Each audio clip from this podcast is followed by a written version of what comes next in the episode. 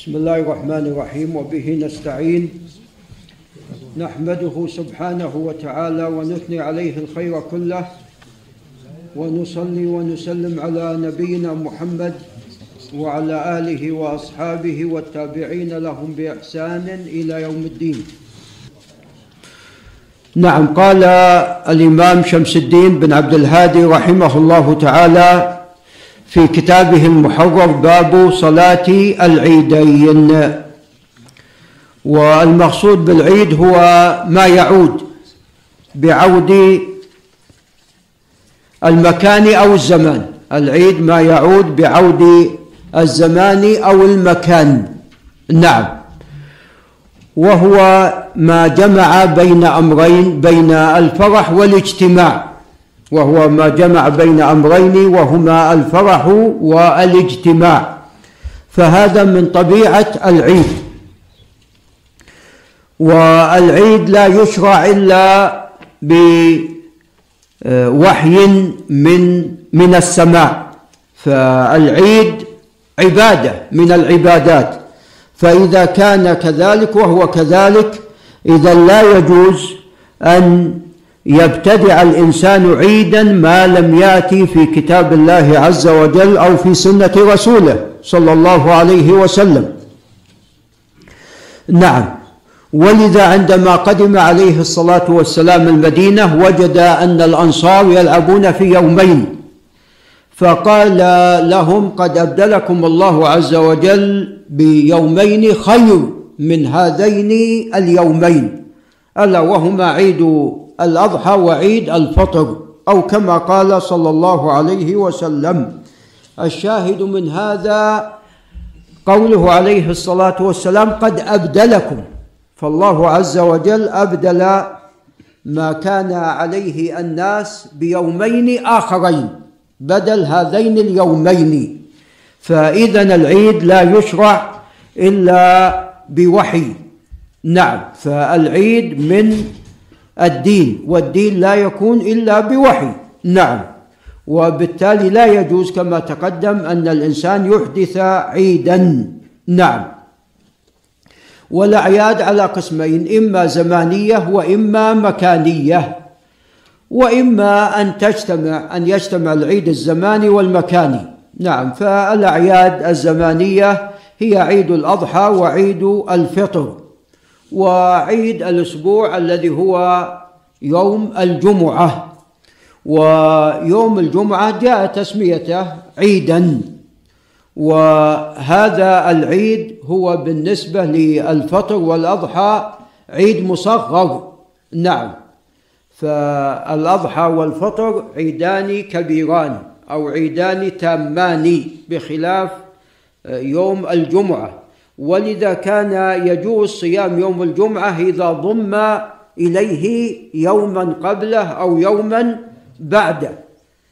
لكن الفطر أو أو الأضحى إذا ضممت إليه يوما قبله أو يوما بعده هل يجوز صيامه؟ لا يجوز صيامهما البتة. نعم. نعم هذه أعياد زمانية وأما الأعياد المكانية هو مثل ما يحصل من اجتماع المسلمين في الحج في منى وفي مزدلفة وفي عرفات. نعم هذه أعياد مكانية. نعم هذه أعياد مكانية. وقد تجتمع الأعياد الزمانية والمكانية كما يحصل في منى في أيام العيد. فيجتمع الحجاج في منى فيكون لهم عيدان عيد مكاني وعيد زماني. نعم. والعيد يختص بأشياء منها صلاة العيد كما سوف يأتينا بمشيئة الله. ومنها كما تقدم أنه لا يجوز صيام يوم العيد. نعم. ومنها أيضا أن فيه زيادة ذكر لله عز وجل وذلك بالتكبير. في عيد الفطر وفي عيد الأضحى. نعم. فالعيد يختص بأشياء منها ما تقدم ومنها أيضا إظهار الفرح والسرور والاجتماع والتجمل والتزاور والتقابل. نعم. قال المصنف رحمه الله تعالى وعن عائشة كذا وعن عائشة رضي الله عنها قالت قال رسول الله صلى الله عليه وسلم الفطر يوم يفطر الناس والأضحى يوم يضحي الناس. قال رواه الترمذي وصححه. نعم. طبعا هذا آه، الحديث جاء من طرق وكلها لا تخلو من كلام كلها متكلم فيها. وهي باجتماعها أيضا لا تتقوى ففيها ضعف. نعم. وأما تصحيح الترمذي لهذا الخبر فنسخ الترمذي لم تتفق. ولذا في بعض نسخ الترمذي قال حسن غريب ولم يصححه. نعم. ولكن دلت النصوص على هذا المعنى الذي جاء في الحديث فالفطر يوم يفطر الناس. أي عندما يكون الناس كلهم مفطرون لا تقول أنت أني أنا الآن صائم ولم يثبت لي أن اليوم هو أول أيام العيد مثلا أو أن هذا لم يثبت لي لم يثبت عندي أن هذا اليوم هو يوم العيد. نعم. فمثل هذا يؤدي إلى التفرق وإلى التنازع وإلى الاختلاف. فلذا لابد من اجتماع المسلمين في أعيادهم وفي فطرهم وفي صيامهم وأعني بذلك أهل البلد الواحد. نعم. وأما اجتماع المسلمين شرقا وغربا فهذا يعني ليس بالإمكان. ولذا جاءت النصوص بان لكل أهل بلد نعم رؤيتهم فيما يتعلق بالصيام. وإذا كان لكل أهل بلد رؤيتهم فيما يتعلق بالصيام أيضا بالتالي ينبني على هذا أن العيد سوف يكون ماذا؟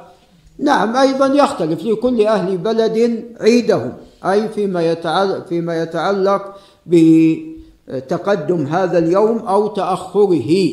نعم ولذا عندما آه، عبد الله بن العباس رضي الله تعالى عنهما أبلغ بأن معاوية قد رأى الهلال وصام وصام الناس. نعم. فقيل له ألا تصوم ألا تأخذ برؤية معاوية؟ قال لا. هذا هذه بهذا أمرنا رسول الله صلى الله عليه وسلم. أو هذه هي السنة. نعم.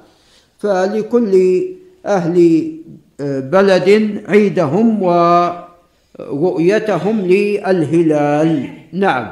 وأما في ما يتعلق بأهل البلد الواحد لا بد أن يكون صيامهم واحد ويكون إفطارهم أيضا واحد. هذا اليوم عنده عيد والثاني اليوم يوم الثلاثين. فهذا لا شك يعني هذا اختلاف والاختلاف يؤدي إلى الفشل وإلى ذهاب الريح ذهاب القوة. نعم. فأقول هذا هذا الحديث وإن كان فيه ضعفا إلا أن النصوص قد دلت إلا أن النصوص من حيث العموم قد دلت على هذا المعنى. نعم. وبالتالي لا يمكن لشخص أن مثلا يقف في في يوم في يوم من أيام عشر ذي الحجة ويقول أن اليوم يوم عرفة والثاني لا يقول اليوم يوم التروية اليوم الثامن. والثالث مثلا يقول لا اليوم هو أول أيام عيد الأضحى. لا هذا هذا لا يكون هذا لا يكون وليس بصحيح. فالفطر يوم يفطر الناس والأضحى يوم يضحي الناس. قال وعن عبيد الله بن أبي بكر بن أنس عن أنس بن مالك رضي الله عنه قال كان رسول الله صلى الله عليه وسلم لا يغدو يوم الفطر حتى يأكل تمرات. نعم من السنة في يوم الفطر أنك قبل أن تغدو إلى المصلى أن تفطر والسنة أن تفطر على تمرات. وأن تأكل هذه التمرات وترا. نعم كما ثبت في حديث أنس بن مالك رضي الله تعالى عنه. وبعض أهل العلم أخذ من هذا الحديث تعميم ذلك في آه، الأمور الأخرى أو في المواطن الأخرى. أنك كلما أكلت تمر أنك تأكل ماذا؟ تأكلهن وترا. نعم. فبعض أهل العلم عمم ذلك وبعض أهل العلم خص هذا بيوم العيد. ولعل تعميم ذلك لعله والله أعلم يعني أقرب والله أعلم لأن الأصل إذا ثبت الشيء مرة واحدة الأصل ثبوت هذا الشيء وتعميمه. نعم. قال وقال مرجع بن رجع حدثني عبيد الله بن أبي بكر قال حدثني أنس عن النبي صلى الله عليه وسلم ويأكلهن وترا. قال رواه البخاري تعليقا وقد أسند الإسماعيلي الرواية المعلقة نعم. قال وعن ثواب بن عتبة وثواب بن عتبة هذا صالح. صالح ليس بالحافظ أو المتقن وإنما هو صالح له. يعني حديثان. نعم ليس بالمكثر مكل وقد اشتهر بهذا الحديث.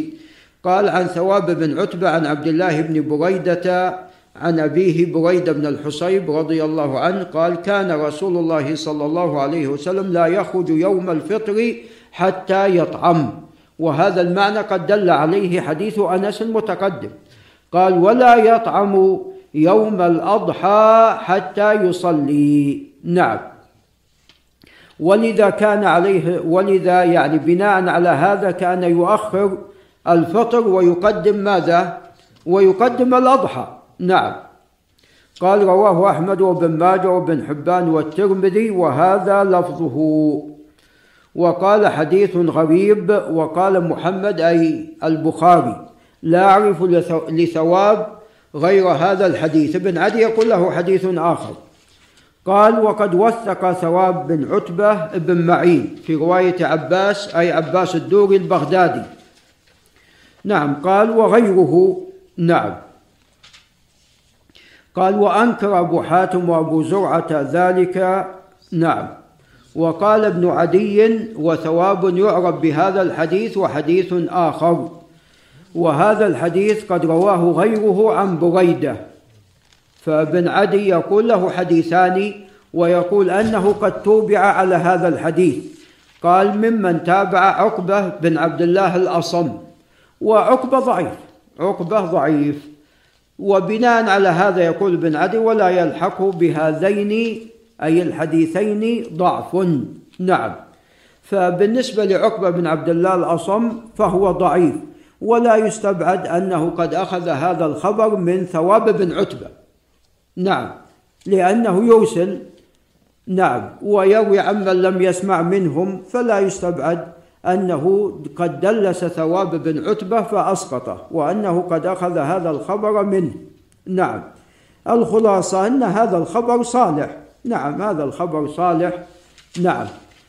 وبعضه قد جاء معناه في حديث أنس كما تقدم. قال وعن أم عطية رضي الله عنها قالت أمرنا رسول الله صلى الله عليه وسلم أن نخ... نعم. أن نخرجهن في الفطر والأضحى. العواتق والحيض وذوات الخدور. فأما الحيض فيعتزلن الصلاة ويشهدن الخير ودعوة المسلمين. نعم وذلك لحيضهن. قلت يا رسول الله إحدانا لا يكون لها جلباب. قال لتلبسها أختها من جلبابها. متفق عليه. واللفظ لمسلم. نعم الشاهد من هذا أن الرسول صلى الله عليه وسلم قد أمر في الفطر والأضحى بإخراج العواتق والحيض وذوات الخدور. نعم. فإذا كانت المرأة مأمورة وحتى الحائض مأمورة أيضا بأن تخرج ولكن تعتزل المصلى فإذا الرجال من باب ماذا؟ من باب أولى. ولذا صلاة العيد على الرجال واجبة وجوب أعيان. قد اختلف أهل العلم في حكمها والراجح لهذا الحديث أنها واجبة وجوب أعيان. فواجب على الإنسان بعينه أن يصلي العيد. نعم. قال وعن ابن عمر رضي الله عنهما قال كان النبي صلى الله عليه وسلم وأبو بكر وعمر يصلون العيدين قبل الخطبة. متفق عليه. فمن صفة صلاة العيدين أن الخطبة تكون بعد الصلاة بخلاف الجمعة. فالجمعة كما تعلمون الخطبة قبل الصلاة. نعم. قال وعن ابن عباس رضي الله عنهما أن النبي صلى الله عليه وسلم صلى يوم الفطر ركعتين. هذا فيما يتعلق بصفة صلاة العيد وأنها ركعتان. قال لم يصلي قبلها ولا بعدها. نعم. فصلاة العيد ليس قبلها سنة راتبة كما أنه ليس بعدها سنة راتبة. نعم. لكن لو كانت الصلاة تقام في المساجد كما هو الحاصل الآن فإنك قبل أن تجلس ماذا؟ تصلي ركعتين تحية المسجد. تصلي ركعتين تحية المسجد. قال ثم أتى النساء ومعه بلال. هذا بعد أن خطب الرجال رأى عليه الصلاة والسلام أنه لم يسمع النساء. وهذا لعله والله أعلم بسبب كثرة الجمع. نعم وأنه عندما خطب الرجال ورأى أنه لم يسمع النساء ذهب لهن ومعه بلال فأمرهن بالصدقة فجعلنا يلقينا تلقي المرأة خرصها وسخابها. نعم رواه البخاري ومسلم. قال وعنده أي عند مسلم أن الرسول صلى الله عليه وسلم خرج يوم أضحى أو فطر فصلى ركعتين لم يصلي قبلها ولا بعدها. ثم أتى النساء ومعه بلال فأمرهن بالصدقة فجعلت المرأة تلقي خرصها وسخابها. نعم وهذا يدل على ضعف الحديث الذي بعده وهو عن عبد الله بن محمد بن عقيل بن أبي طالب عن عطاء بن يسار الهلالي عن أبي سعيد الخدري رضي الله تعالى عنه قال كان النبي صلى الله عليه وسلم لا يصلي قبل العيد شيئا. فإذا رجع إلى منزله صلى ركعتين. رواه ابن ماجه قال وقال المصنف أي ابن عبد الهادي وابن عقيل مختلف فيه. نعم. فابن عقيل فيه ضعف وهذا الحديث مخالف لحديث ابن عباس المتقدم آنفا نعم. فبالتالي لا يصلى بعد العيد شيئا بمعنى لا تصلي يعني سنة راتبة بعد العيد. لكن لو أحببت أن تتطوع بالصلاة أن تصلي صلاة الضحى مثلا نعم أو مثلا تقضي الوتر مثلا لأنه فاتك فلا بأس بذلك لكن المقصود أنه ليس هناك راتبة تتعلق بالعيد بعدها ليس هناك شيء من ذلك وحديث ابن عقيل آه، كما تقدم لا يحتج به.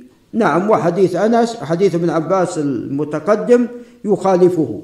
قال وعن عمرو بن شعيب عن أبيه عن جد عمرو بن شعيب بن محمد بن عبد الله بن عمرو بن العاص رضي الله عنهما.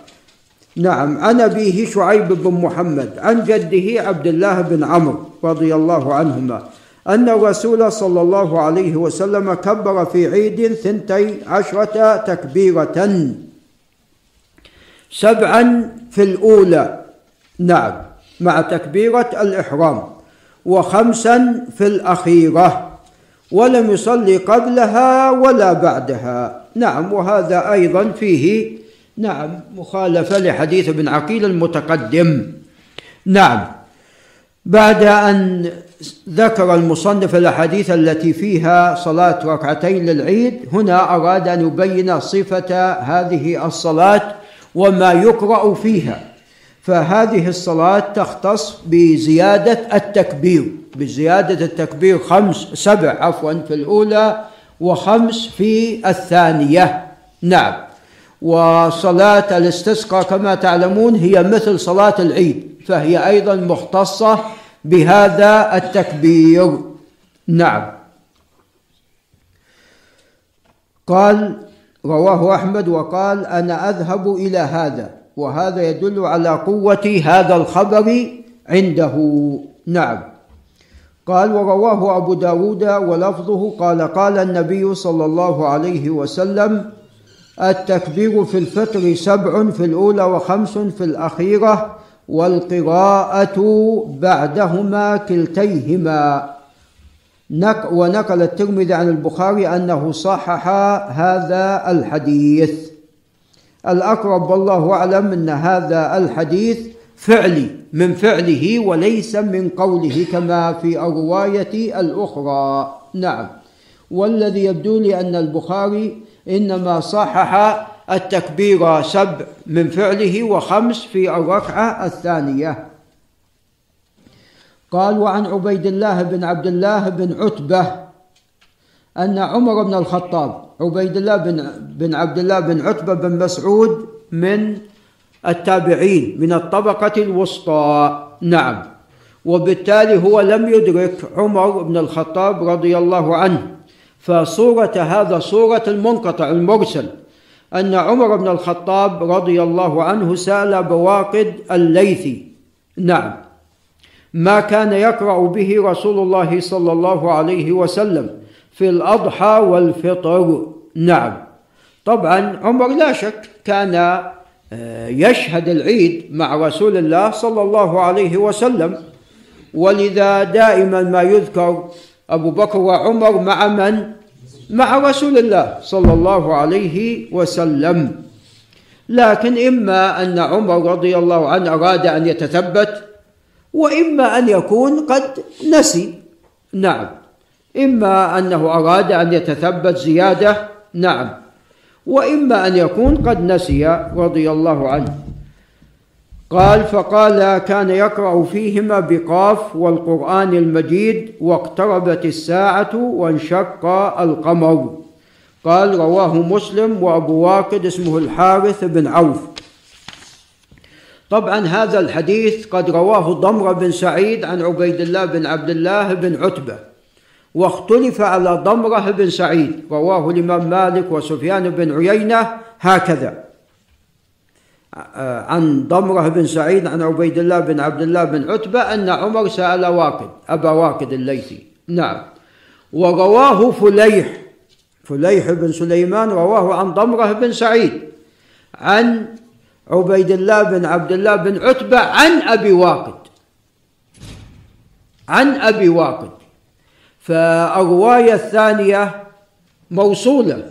الرواية الثانية موصولة بخلاف الرواية الأولى. والراجح لا شك الرواية الأولى. الراجح هو الرواية الأولى لأن هي رواية بالك ورواية ابن عيينة وهما من هما في الحفظ والإتقان.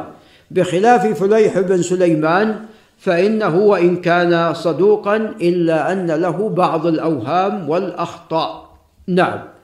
ولكن والله أعلم يعني قد يستفاد من رواية فليح أن آه، عبيد الله بن عبد الله بن عتبة أخذ هذا ممن؟ أخذ هذا من أبي واقد نعم. أخذ ذلك من أبي واقد الليثي. نعم أخذ هذا من أبي واقد الليثي. ولهذا والله أعلم لعله الإمام مسلم خرجه من أجل ذلك. قال وعن جابر بن عبد الله رضي الله تعالى عنهما قال كان النبي صلى الله عليه وسلم إذا كان يوم عيد خالف الطريق. رواه البخاري. فمن سنة العيد أيضا أنه عليه الصلاة والسلام كان يخالف الطريق فيذهب إلى العيد من طريق ويرجع من طريق آخر. نعم. ولم ينقل أنه قد فعل ذلك إلا في صلاة العيد. لم ينقل أنه فعل ذلك إلا في صلاة العيد. وبعض آه، الناس قد يفعل هذا في الجمعة. فيقال أنه لم يأتي هذا في الجمعة. وتعلمون أن بيت عليه الصلاة والسلام ملاصق لمسجده. ملاصق لمسجده عليه الصلاة والسلام. فهنا ما هناك يعني مجال حتى يخالف الطريق بخلاف العيد فإنه كان يؤديه يؤدي صلاة العيد أين في المصلى فكان يذهب ماشيا إلى المصلى فيذهب من طريق ويرجع من طريق. المهم أن هذا لم يأتي إلا في العيد فهذا لا يفعل إلا في العيد. قال وعن عائشة رضي الله عنها وعن أبيها قالت دخل علي النبي صلى الله عليه وسلم وعندي جاريتان تغنيان بغناء بعاث. وبعاث هذا يوم من الأيام التي آه، وقعت في الجاهلية أو قبل هجرته صلى الله عليه وسلم إليهم إلى الأوس والخزرج. وقع كان بينهم قتال. ومن الأيام المشهودة هو بينهم هو يوم بعاث. وبعضهم قال بالغي بالغين يوم بغاث. نعم والمشهور بالعين. نعم. فطبعا قيلت في هذا آه، اليوم قصائد حماسية. قيلت في هذا اليوم قصائد حماسية. فكانت هاتان الجاريتان تغنيان بغناء بعاث. يعني القصائد التي قيلت في هذا اليوم. قال فاضطجع على الفراش عليه الصلاة والسلام وحول وجهه. نعم. ودخل أبو بكر فانتهرني وقال مزمار الشيطان عند النبي صلى الله عليه وسلم هذا يدل على أنه كان من المتقور عندهم أن آلات المعازف أنها ماذا؟ أنها محرمة. لأن من حين دخل أبو بكر قال أمزمار الشيطان؟ نسب ذلك إلى الشيطان. لأنه متقرر عندهم أن المعازف أن آلات المعازف أنها محرمة نعم. وأقره عليه الصلاة والسلام على ذلك. فأقبل عليه رسول الله صلى الله عليه وسلم فقال دعهما. أقره على مزمار الشيطان. لكن قال دعهما. لماذا؟ قال فلما خرجتا غمستهما فخرجتا. في رواية ولم يذكرها المصنف دعهما فإن لتعلم يهود أن في ديننا فسحة. وفي رواية أنها أن هذا اليوم يوم ماذا؟ عيد. نعم أيام عيد. فدل هذا على أن على أن هذا الشيء ممنوع. إلا في المناسبات. إلا في المناسبات كالأعياد. ومن ذلك ما جاء في حديث بريدة عند أبي داود أن آه، أمة نذرت أن تضرب بالدف عندما يعود عليه الصلاة والسلام سالما. أن تضرب على رأسه بالدف. فعندما عاد عليه الصلاة والسلام أخبرته. فقال إن كنت نذرت وإلا فلا يعني تفعلي. قالت إني نذرت. نعم. فضربت بالدف. فكانت هذه مناسبة. نعم. وأيضا من المناسبات في العرس. من المناسبات في العرس. ومن ذلك ما جاء في ما جاء في الحديث الصحيح أن أن أحد التابعين عندما دخل على بعض الصحابة وكانوا كان يسمعون الضرب والضرب بالدف. فقالوا فأنكر عليهم. قالوا رخص لنا في العرس رخص لنا بهذا في العرس.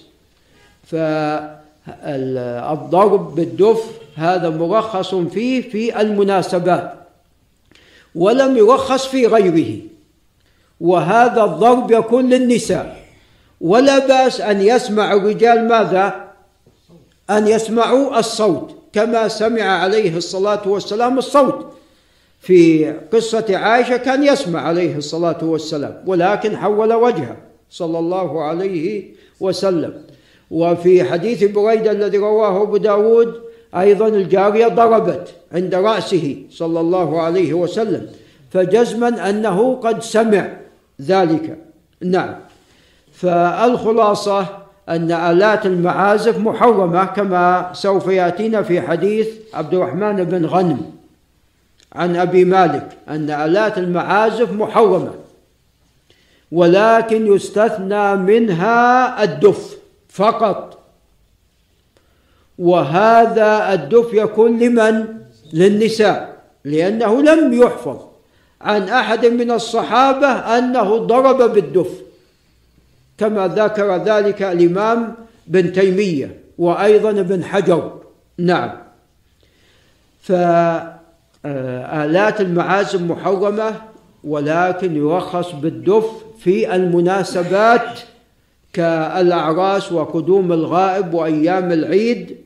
ويكون ذلك للنساء. ولا بأس أن يسمع الرجال الصوت كما تقدم في الأحاديث السابقة. نعم قال قالت فخرجتا وكان يوم عيد يلعب السودان بالدرق والحراب. نعم فهذا أيضا بمناسبة العيد. قالت فأما سألت رسول الله صلى الله عليه وسلم فإما سألت رسول الله صلى الله عليه وسلم وإما قال تشتهين تنظرين؟ فقلت نعم. فأقامني وراءه خدي على خده وهو يقول دونكم بني أرفدة. حتى إذا مللت قال حسبك قلت نعم. قال فاذهبي متفق عليه. ثم قال المصنف ما يمنع لبسه أو يكره وما ليس كذلك. إذا ذكر ثلاثة أشياء. ما يمنع لبسه نعم أي يحرم وما يكره وهذا النوع الثاني. والثالث ما ليس كذلك أي لا يحرم ولا ولا يكره يعني يباح. قال وعن عبد الرحمن بن غنم الأشعري. نعم طبعا هناك قسم رابع وهو ما يستحب لبسه كما جاء في الحديث البسوا البياض. نعم وهذا لا بأس بإسناده. قال وعن عبد الرحمن بن غنم الأشعري قال حدثني أبو عامر أو أبو مالك. نعم. طبعا جاء هكذا كما ذكر المصنف عند البخاري وجاء بالجمع بينهما عند ابن حبان حدثني أبو عامر وأبو مالك. وجاء بإسناد ذلك إلى أحدهما وهو أبو مالك والراجح أن هذا الخبر عن أبي مالك. نعم. وهذا الشك ليس من عبد الرحمن بن غنم وإنما هذا الشك من عطية بن قيس. هذا الشك من الراوي عن عبد الرحمن بن غنم وهو عطية بن قيس. نعم. فهذا الشك منه. ولذا رواه مالك بن أبي مريم فجعله عن عبد الرحمن بن غنم عن أبي مالك الأشعري. فالراجح في هذا الخبر أنه عن أبي مالك الأشعري. وهكذا وقع أيضا عند أبي داود أنه عن أبي مالك الأشعري.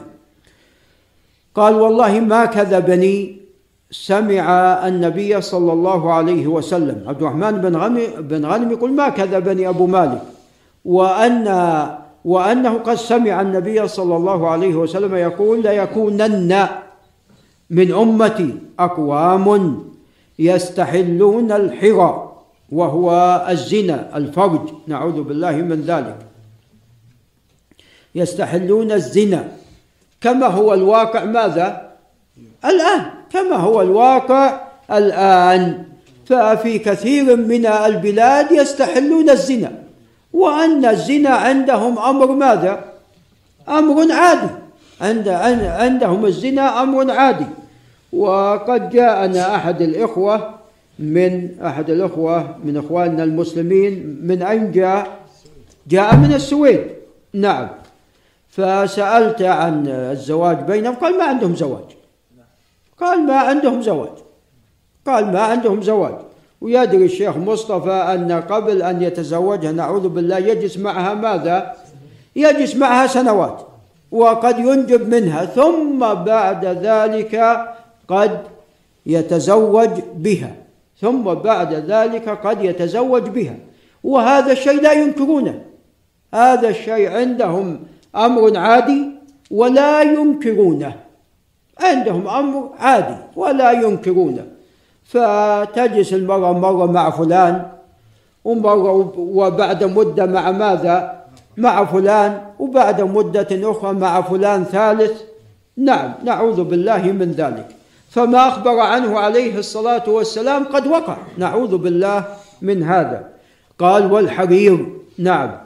وكثير من الناس أو بعض الناس يلبس الحرير ولا يبالي وأن يعني يعتبر من التجمل ومن الأشياء نعم التي يتجمل فيها. والحرير حرام على الرجال إلا ما إلا الشيء اليسير كما سوف يأتي. قال والخمر. والآن نعم الخمر يستحلونها. وجاء في حديث آخر صحيح أنهم يسمونها ماذا؟ بغير اسمها. وهذا هو ما وقع الآن. يسمونها مشروبات روحية فيسمونها بغير اسمها. قال والمعازف. وبالذات الآن المعازف هذا شيء يعني أصبح عند كثير من الناس حتى ممن مع الأسف ينتسب إلى الإسلام أصبح أمر عادي. نعم. وتجد مع الأسف أن في كثير من الأشياء تكون مصحوبة بالمعازف. نعم. تجد مثلا من مطاعم المعازف في المطاعم وحتى تكون بشكل يعني نعم بشكل نعم لا شك مقزز وشيء يعني يعني يزعج مزعج شيء مزعج صخب صخب مزعج. ولذا قال ربنا عز وجل لا يسمعون فيها لغوا إلا نعم.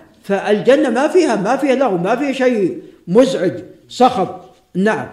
فتجد يعني حتى يعني هذه الموسيقى مزعجة مزعجة. نعم. تجد نشرة الأخبار بين كل خبر وآخر أحيانا موسيقى. طيب هذه نشرة أخبار الآن؟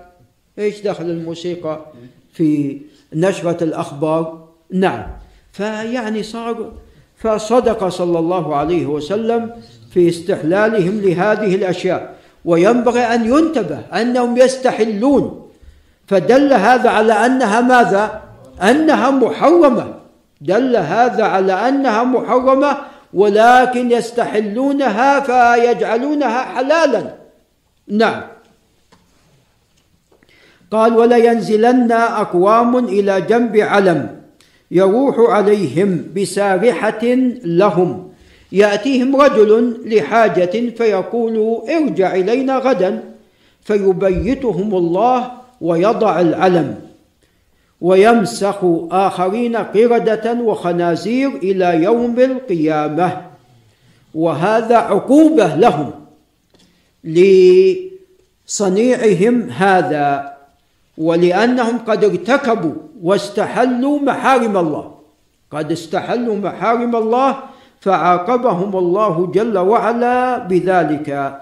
وهذا المسخ قرد وخنازير يعني قد يكون مسخا معنويا وقد يكون مسخا حسيا وهو الأقرب لأنه عليه الصلاة والسلام قال قرده وخنازير. فالأقرب والله أعلم أنه مسح أنه مسخ عفوا حسي وأنه والله والأصل هذا هو الأصل. يعني الأصل العمل بظاهر الكلام. قال رواه البخاري تعليقا مجزوما به. نعم. لماذا قال معلقا؟ لأن الإمام البخاري قال قال هشام بن عمار. وهشام بن عمار هو الدمشقي توفي عام أربعين ومائتين وقد عمر. توفي عام أربعين ومائتين وقد عمر وهو وهو من أهل العلم وكان مقرئا. نعم وهو صدوق. وهو من شيوخ البخاري والبخاري قد سمع منه. ولكن لقوله قال هشام قال المصنف وغيره من أهل العلم معلقا. وقال آخرون إن هذا ليس بمعلق إن هذا موصول. لأن هشام بن عمار شيخ البخاري وقد سمع منه. الأقرب والله أعلم هذا الأقرب هذا الأقرب هو هذا. نعم. لأن هشام بن عمار شيخ البخاري والبخاري قد سمع من هشام بن عمار. فبالتالي لا يلزم حتى يكون قد سمع أن ينص في كل حديث أني قد سمعت ذلك. الأصل إذا روى التلميذ عن شيخه الذي سمع منه الأصل حتى لو لم يصرح بالسماع الأصل أنه ماذا؟ أنه نعم محمول على السماع. قال حدثنا قال هشام بن عمار حدثنا صدقة بن خالد وهو ثقة. قال عن عبد الرحمن بن يزيد بن جابر الشامي وهو ثقة. قال عن عطية بن قيس وهو أيضا ثقة. قال عن عبد الرحمن بن غنم الأشعري وهو ثقة. نعم. فهذا خبر قال فهذا خبر صحيح. قد خرجه البخاري في صحيحه.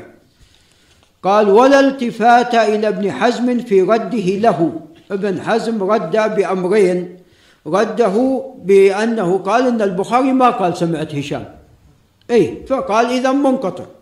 نعم والجواب عن هذه العلة لو تنزلنا أنه منقطع فإن غير البخاري قد رواه ماذا؟ رواه موصولا بالتصريح بالسماع. وقد رواه جمع عن هشام بن عمار.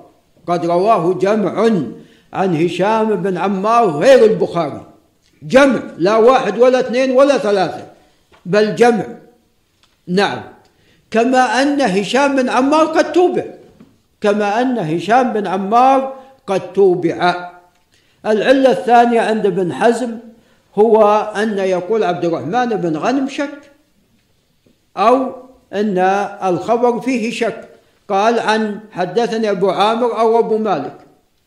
وهذا في الحقيقة لا شك أنه أن هذه العلة علة عليلة. نعم ليست بصحيحة. لأن كلاهما صحابي أبو, أبو عامر أو أبو مالك كلاهما صحابي. فمثل هذا لا يضر. وعبد الرحمن بن غنم من كبار التابعين. نعم. وهنا يقول حدثني. نعم فهو مسموع له. نعم.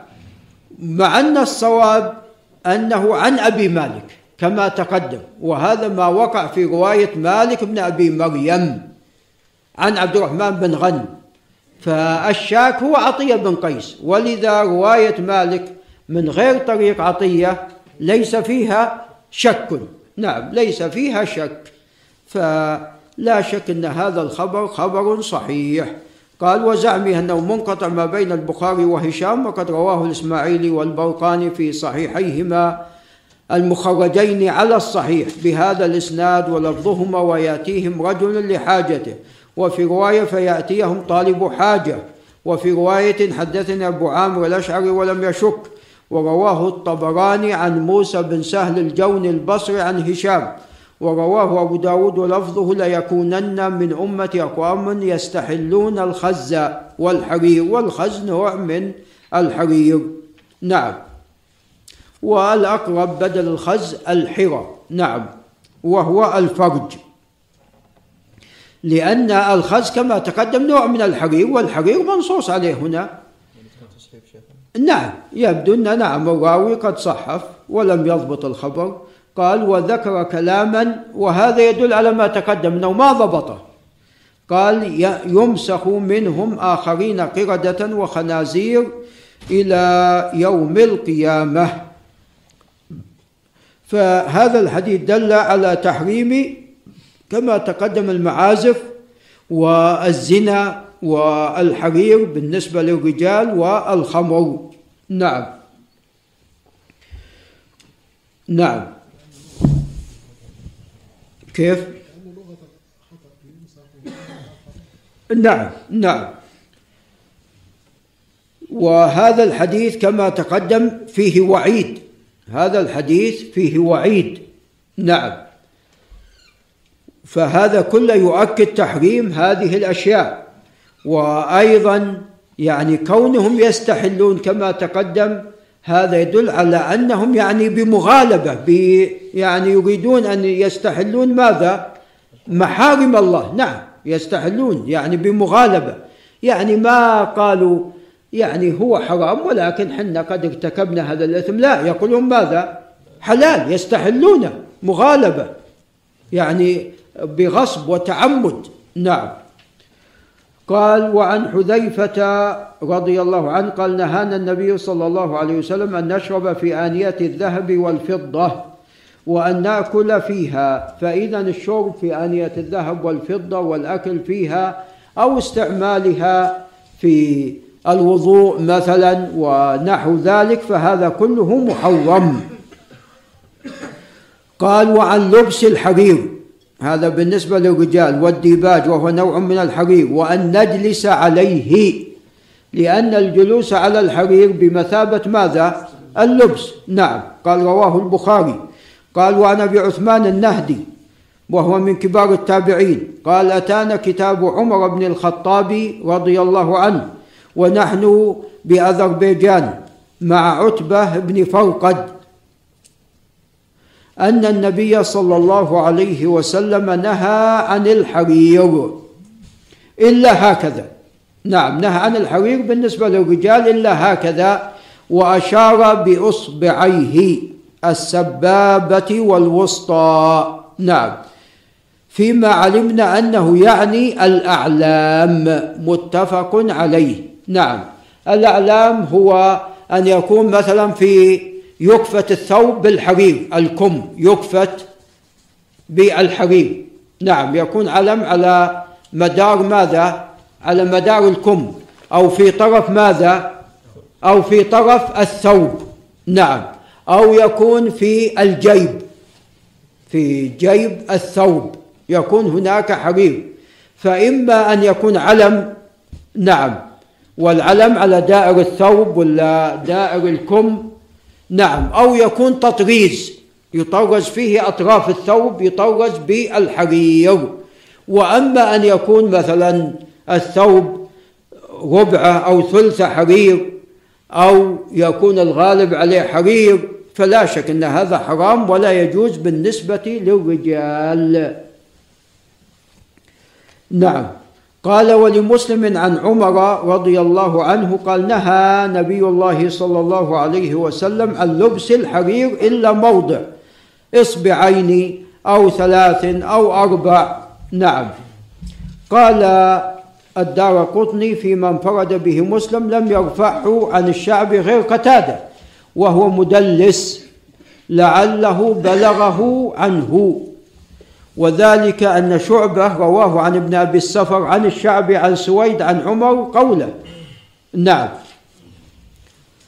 وابن, وابن أبي السفر معروف برواية عن شعبة.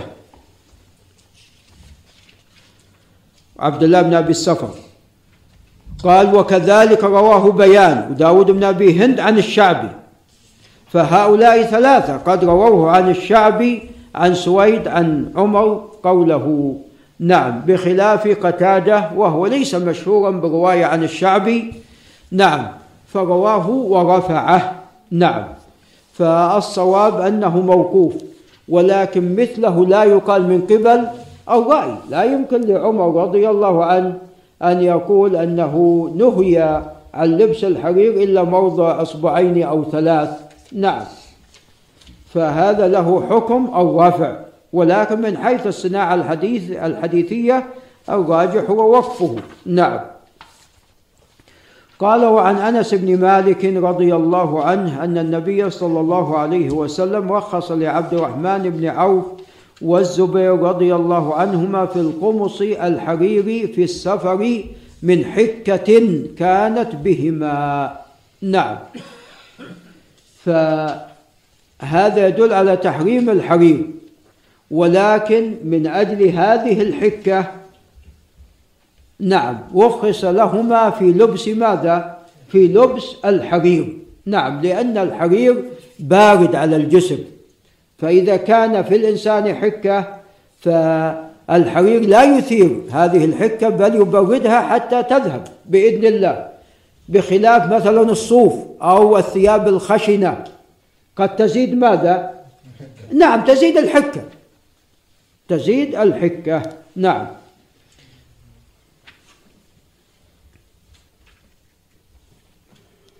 قال فقال وفي البخاري شكيا إلى النبي صلى الله عليه وسلم يعني القمل فأرخص لهما في الحرير فرأيته عليهما في غزات نعم. وهذا جعل بعض أهل العلم يقول يجوز أن يلبس الحرير في الغزو. لكن نقول أن في هذا الحديث بسبب ماذا؟ الحكة بسبب المرض الذي وقع فيهما. قال وعن علي بن أبي طالب رضي الله عنه قال كساني رسول الله صلى الله عليه وسلم حلة سيراء أي من حرير فخرجت فيها لابسه لا قد لبسها فرأيت الغضب في وجهه. نعم. لماذا غضب؟ لأن ما يجوز للرجال لبس الحرير. قال فشققتها بين نسائي. متفق عليه واللفظ لمسلم. نعم. قال وعن أبي موسى الأشعري رضي الله تعالى عنه أن رسول الله صلى الله عليه وسلم قال أحل الذهب والحرير لاناث أمتي وحرم على ذكورها. اذا الذهب والحرير حلال على الإناث ومحرم على من؟ على الذكور. قال رواه أحمد والنسائي والترمذي وصححه وقيل إنه منقطع. نعم. وهذا هو الأقرب لأنه عن سعيد بن أبي هند عن أبي موسى الأشعري. نعم. وسعيد بن أبي هند لم يسمع من أبي موسى الأشعري ولكن جاء هذا المتن من حديث علي بن أبي طالب. رضي الله تعالى عنه. خرجه أبو داود والنسائي. قال علي بن المديني حديث حسن ورجاله معروفون. فيغني عن حديث أبي موسى حديث علي بن أبي طالب رضي الله تعالى عنه. وجاءت أيضا حديث أخرى في الباب. لكن حديث علي والله أعلم من أقواها. وقد حسنه علي بن المديني. نعم.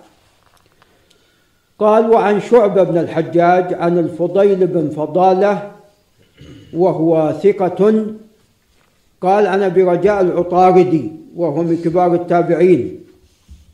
قال خرج علينا عمران بن حسين رضي الله عنه وعن أبيه وعليه مطرف خز مطرف خز والخز نوع من الحرير.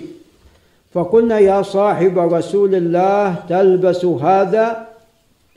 فقال إن رسول الله صلى الله عليه وسلم قال إن الله يحب إذا أنعم على عبد نعمة أن يرى أثر نعمته عليه. قال رواه ابن أبي الدنيا في كتاب الشكر والبيهقي واللفظ له. نعم. وإسناده حسن لا بأس به. وقد أخرجه الإمام أحمد. يعني عجيب أن المصنف رحمه الله لم يعزه لأحمد.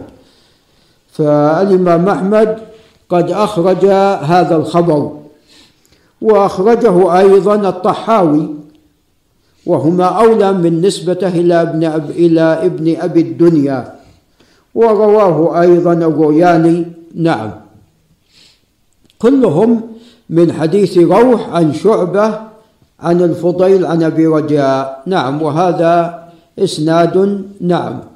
نعم إسناد قوي ورجاله ورجاله نعم ثقات. وفضيل بن فضالة قد وثقه يحيى بن معين نعم. عمران بن حسين رضي الله عنه يعني فيما يظهر أنه لم يعلم بتحريم الحرير على ماذا؟ على الرجال نعم. نعم. وقوله عليه نعم وقول عليه الصلاة والسلام إن الله يحب إذا أنعم على عبد نعمة أن يرى أثر نعمته عليه. هذا أيضا قد جاء من حديث آخر. نعم هذا قد جاء من حديث أبي الأحوص عن أبيه. وحديث أبي الأحوص عن أبيه حديث صحيح. نعم فإذا أنعم الله عز وجل على عبد فينبغي أن ترى أثر ينبغي أن يرى أثر هذه النعمة على ماذا؟ على العبد على هذا الإنسان. نعم لا يكون مثل يعني الفقراء الذين لا يجدون وهو غني. نعم. قال وعن عبد الله بن عمرو بن العاص رضي الله عنهما قال رأى رسول الله صلى الله عليه وسلم علي ثوبين معصفرين أي قد صبغا بالعصفر. فقال أأمك أمرتك بهذا؟ ولذا قال بعض أهل العلم أن هذا محرم. الحكمة في تحريم الثوب المصبوغ بالعصفر الحكمة في تحريمه أنه من ثياب النساء. وجاء في رواية في مسلم أنها من ثياب ماذا؟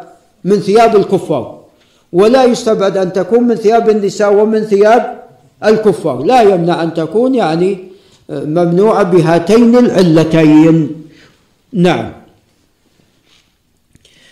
قال أأمك أمرتك بهذا؟ قلت أغسلهما. قال بل احرقهما وهذا الإحراق والله أعلم هذا من باب العقوبة له.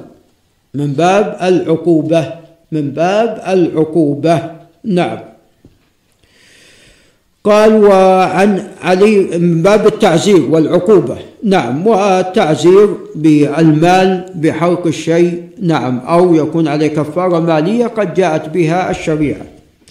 قال وعن علي بن أبي طالب رضي الله عنه أن الرسول صلى الله عليه وسلم نهى عن لبس القس القسي والمعصفر. والقسي نوع من الحرير. والمعصفر كما تقدم هو المصبوغ بالعصفر. وذهب بعض أهل العلم إلى تحريم لبس الأحمر. والصواب والله أعلم أن لبس الأحمر لا بأس به. وقد جاء في حديث أبي جحيفة أنه رأى الرسول عليه الصلاة والسلام قد لبس حلة حمراء. نعم. فالراجح والله أعلم أن لبس الأحمر لا بأس به.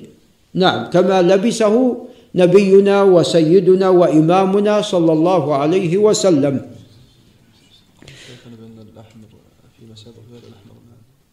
لا لا لا الأحمر يجوز نعم ولكن المعصفر.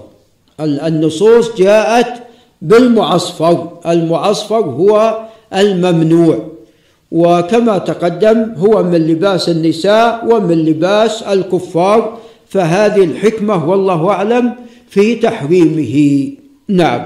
قال وروى من حديث مصعب بن أبي شيبة أي الإمام مسلم عن صفية بنت شيبة عن عائشة رضي الله تعالى عنها قالت خرج النبي صلى الله عليه وسلم ذات غداة وعليه مرط مرجل من شعر أسود. قال والمرجل الذي قد نقش فيه تصاوير الرجال. ولماذا أبرز المصنف الإسناد؟ نعم من أجل مصعب بن شيبة. أبرز المصنف الإسناد والله أعلم من أجل أن فيه مصعب بن شيبة. ومصعب بن شيبة فيه ضعف. مصعب بن شيبة فيه ضعف.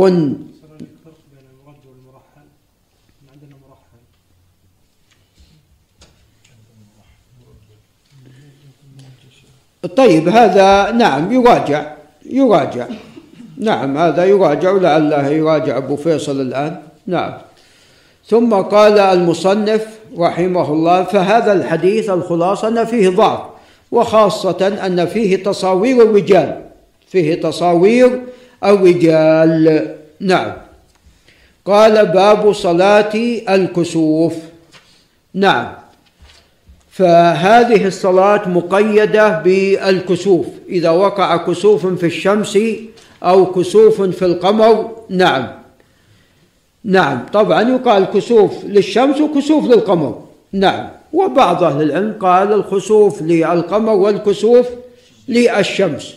والله ونعم والأقرب والله أعلم أنه يعني يقال كسوف للشمس ويقال للقمر.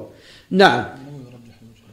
نعم أن خلاص يكفينا النووي رجح الوجهين مرجل ومرحل. نعم.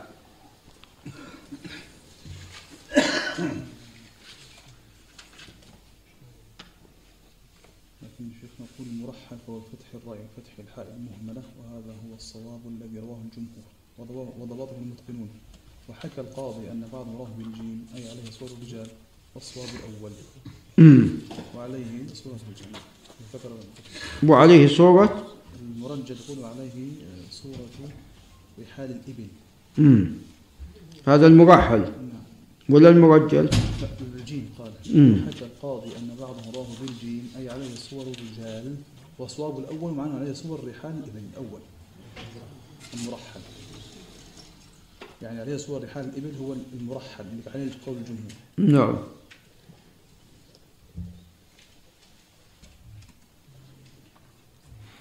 نعم.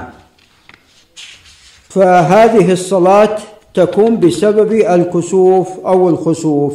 نعم. وأما حكم هذه الصلاة فالراجح أيضا أنها واجبة واجبة على الأعيان. وذلك لقوله عليه الصلاة والسلام إذا رأيتم ذلك فافزعوا إلى الصلاة. نعم. فأمر عليه الصلاة والسلام عند حصول الكسوف أو الخسوف أمر بالصلاة. ولذا قام عليه الصلاة والسلام عندما كسبت الشمس قام عجلا عليه الصلاة والسلام يجر رداءه وصلى صلاة طويلة كما سوف يأتي. قال عن المغيرة بن شعبة رضي الله عنه قال انكسفت الشمس على عهد رسول الله صلى الله عليه وسلم يوم مات إبراهيم. وقد اختلف أهل العلم. هل صلاها فقط في هذه المرة ما وقع ذلك في حياته صلى الله عليه وسلم إلا مرة واحدة أو تكرر ذلك؟ فيه خلاف بين أهل العلم. وكأن الأقرب والله أعلم أن هذا وقع مرة واحدة. وينبني على هذا معرفة ذلك ينبني عليه أن الروايات وقع فيها اختلاف. وبالتالي لا تحمل على تعدد القصة إذا قلنا أن هذا لم يقع إلا ماذا؟ إلا مرة واحدة. فإذا يصار إلى الترجيح. يصار إلى الترجيح. وأما إذا قلنا بتعدد هذا الشيء القصة إذا يعني كل هذه الصور من صفة الصلاة كلها ماذا؟ كلها جائزة وصحيحة. نعم. والراجح الأول والله أعلم. في أن هذا وقع مرة واحدة. قال انكسبت الشمس على عهد رسول الله صلى الله عليه وسلم. والذي يرجح أنها مرة واحدة أن الشمس انكسفت أن الشمس انكسفت وأنه ذكر في أكثر من حديث عندما مات ماذا؟ إبراهيم. ولذا قال عليه الصلاة والسلام إن الشمس والقمر آيتان. فكون أن هذا يذكر في أكثر من حديث كل هذا يدل على أن الواقع ماذا؟ واحدة. أن الشم إن الشمس والقمر آيتان من آيات الله لا ينكسفان لموت أحد ولا لحياته.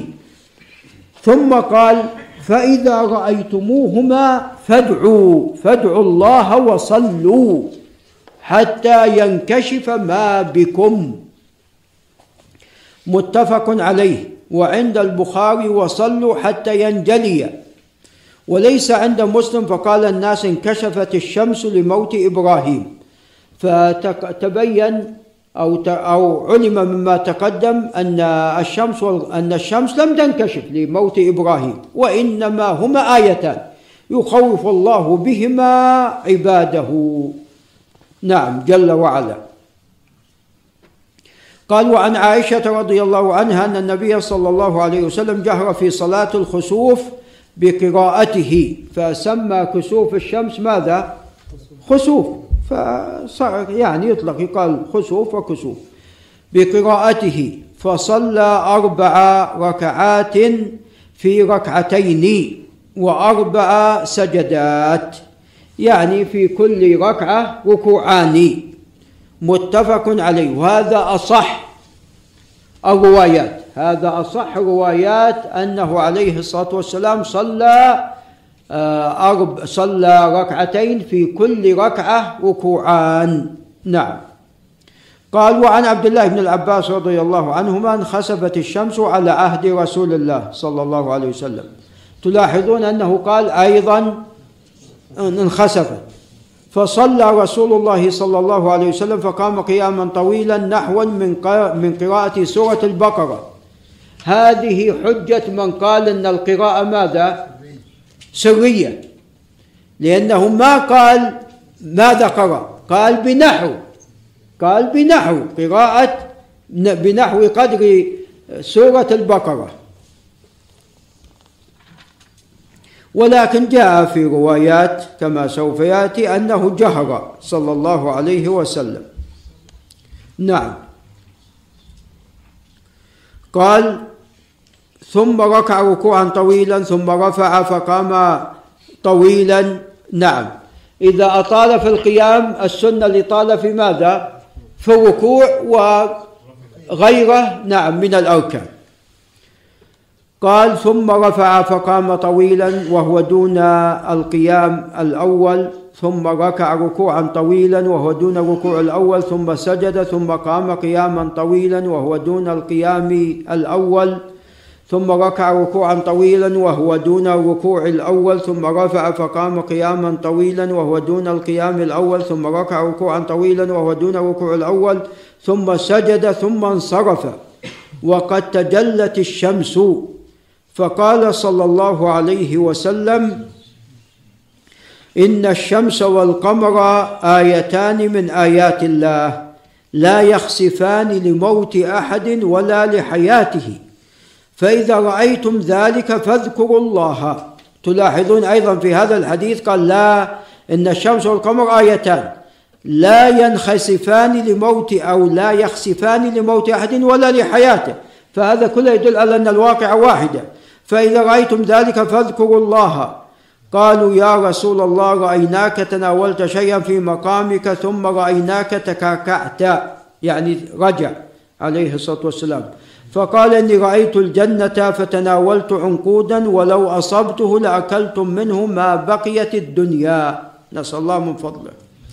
وأريت النار فلم أرى منظرا كاليوم قط أفظع. نعوذ بالله. ورأيت أكثر أهلها النساء. قالوا بما يا رسول الله؟ قال بكفرهن. قيل يكفرن بالله أو يكفرن الله. قال يكفرن العشيرة ويكفرن الإحسان. ولو أحسنت إلى إحداهن الدهر كله ثم رأت منك شيئا قالت ما رأيت منك خيرا قط. متفق عليه واللفظ للبخاري. نعم. وعنه عن النبي صلى الله عليه وسلم أنه صلى في كسوف قرأ ثم ركع ثم قرأ ثم ركع ثم قرأ ثم ركع ثم قرأ ثم ركع كم ركوع؟ أربع قال والأخرى مثلها رواه مسلم وهذا مخالف للحديث المتفق عليه عنه وفيه حتى حديث ابن عباس حديث عائشة وابن عباس أن فيه ركوعان نعم في كل ركعة قال وفي لفظ له صلى عليه الصلاة والسلام حين كسفت الشمس ثمان ركعات في أربع سجدات. وعن علي مثل ذلك.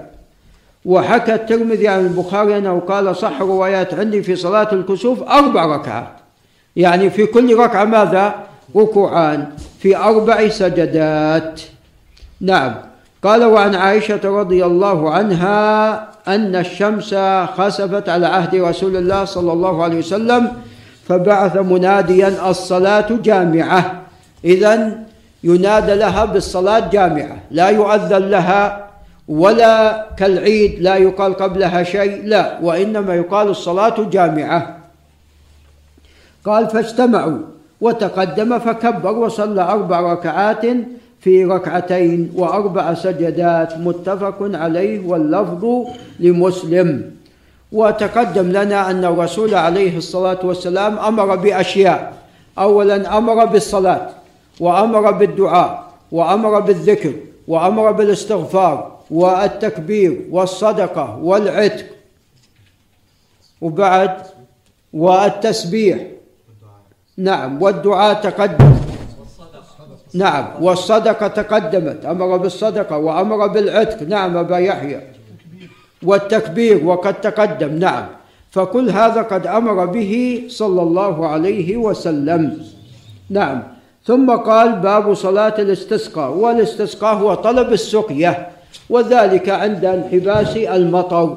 فالسنة أن المسلمين يبرزون إلى الصحراء ويخرجون إلى المصلى ويصلون ركعتين ويكثرون من الدعاء والاستغفار وسؤال, وسؤال الله عز وجل أن يغيثهم برحمته. نعم.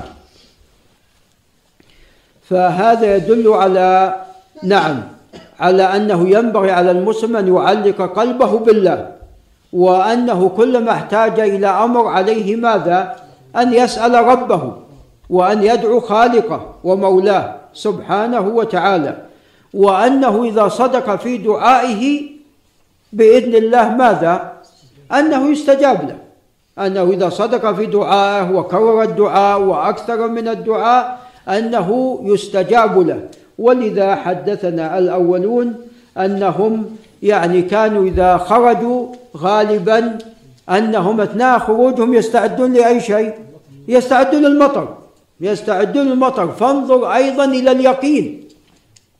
انظر إلى يقينهم بأن الله عز وجل سوف يستجيب لهم. فمن كان عنده شيء أو كذا قد يتضرر في المطر ماذا؟ يغطيه. نعم. أو يدخله في الكن. نعم. ف يعني كانوا يعني غالبا أنهم يسقون. نعم. وكما تقدم لنا أن يعني شخصا صاحب زرع ويبدو أن يعني احتاج زرعه إلى الماء وأن الماء عنده قل فذهب إلى الشيخ وقال له يعني لعلنا نستسقي. نعم. فقال هذا ليس وقت للاستسقاء لأن غالبا يستسقون متى؟ في الشتاء وقت المطر. غالبا يستسقون في الشتاء وقت المطر. وقت موسم ماذا؟ موسم المطر. نعم. وهذا في البلاد التي مطرها في الشتاء كما عندنا هنا. نعم. ثم قال له الشيخ أنت لعلك تستسقي. اسأل الله. فقام واستسقى ودعا الله عز وجل فأغاثه الله سبحانه وتعالى. وهذا قد وقع قبل ذلك لأنس بن مالك. في مرة من المرات استسقى فجاءت سحابة وأمطرت فأرسل مولاه أنس أرسل مولاه قال اذهب انظر إلى أين وصل المطر. فذهب وعاد قال لم يتجاوز أرضك. قال لم يتجاوز أرضك. نعم نسأل الله من فضله. قال عن إسحاق بن عبد الله بن كنانة قال أرسلني أمير من الأمراء إلى ابن عباس أسأله عن صلاة عن الصلاة في الاستسقاء. فقال ابن عباس ما منعه أن يسألني؟ خرج رسول الله صلى الله عليه وسلم متواضعا متبذلا متخشعا مترسلا متضرعا. كل هذه الأشياء حتى تكون يعني الإجابة بإذن الله حاصلة. فهذه من أسباب الإجابة وهو أن الإنسان يأخذ متواضع متبذل. ولذا جاء عن بعض التابعين عندما احتاج إلى الدعاء لبس خلقان ثيابه. خلقان ثيابه. نعم. وأخذ هذا من هنا الحديث متبذلا متخشعا مترسلا متضوعا. نعم. فما يخرج كما يخرج في العيد في الزينة. لا. هذه الصلاة تختلف عن صلاة العيد. نعم. قال فصلى ركعتين كما يصلي في العيد. في الصفة وليس في يعني التجمل وما شابه ذلك. قال لم يخطب خطبتكم هذه يعني أنه خطب لكن ليس مثل ماذا؟ ليس مثل خطبتكم هذه يعني قد يكون فيها إطالة أو قال رواه أحمد وهذا لفظه وأبو داود والنسائي وابن ماجه والترمذي وصححه وأبو عوانة في صحيح وابن حبان والحاكم. هذا الخبر لا بأس بإسناده.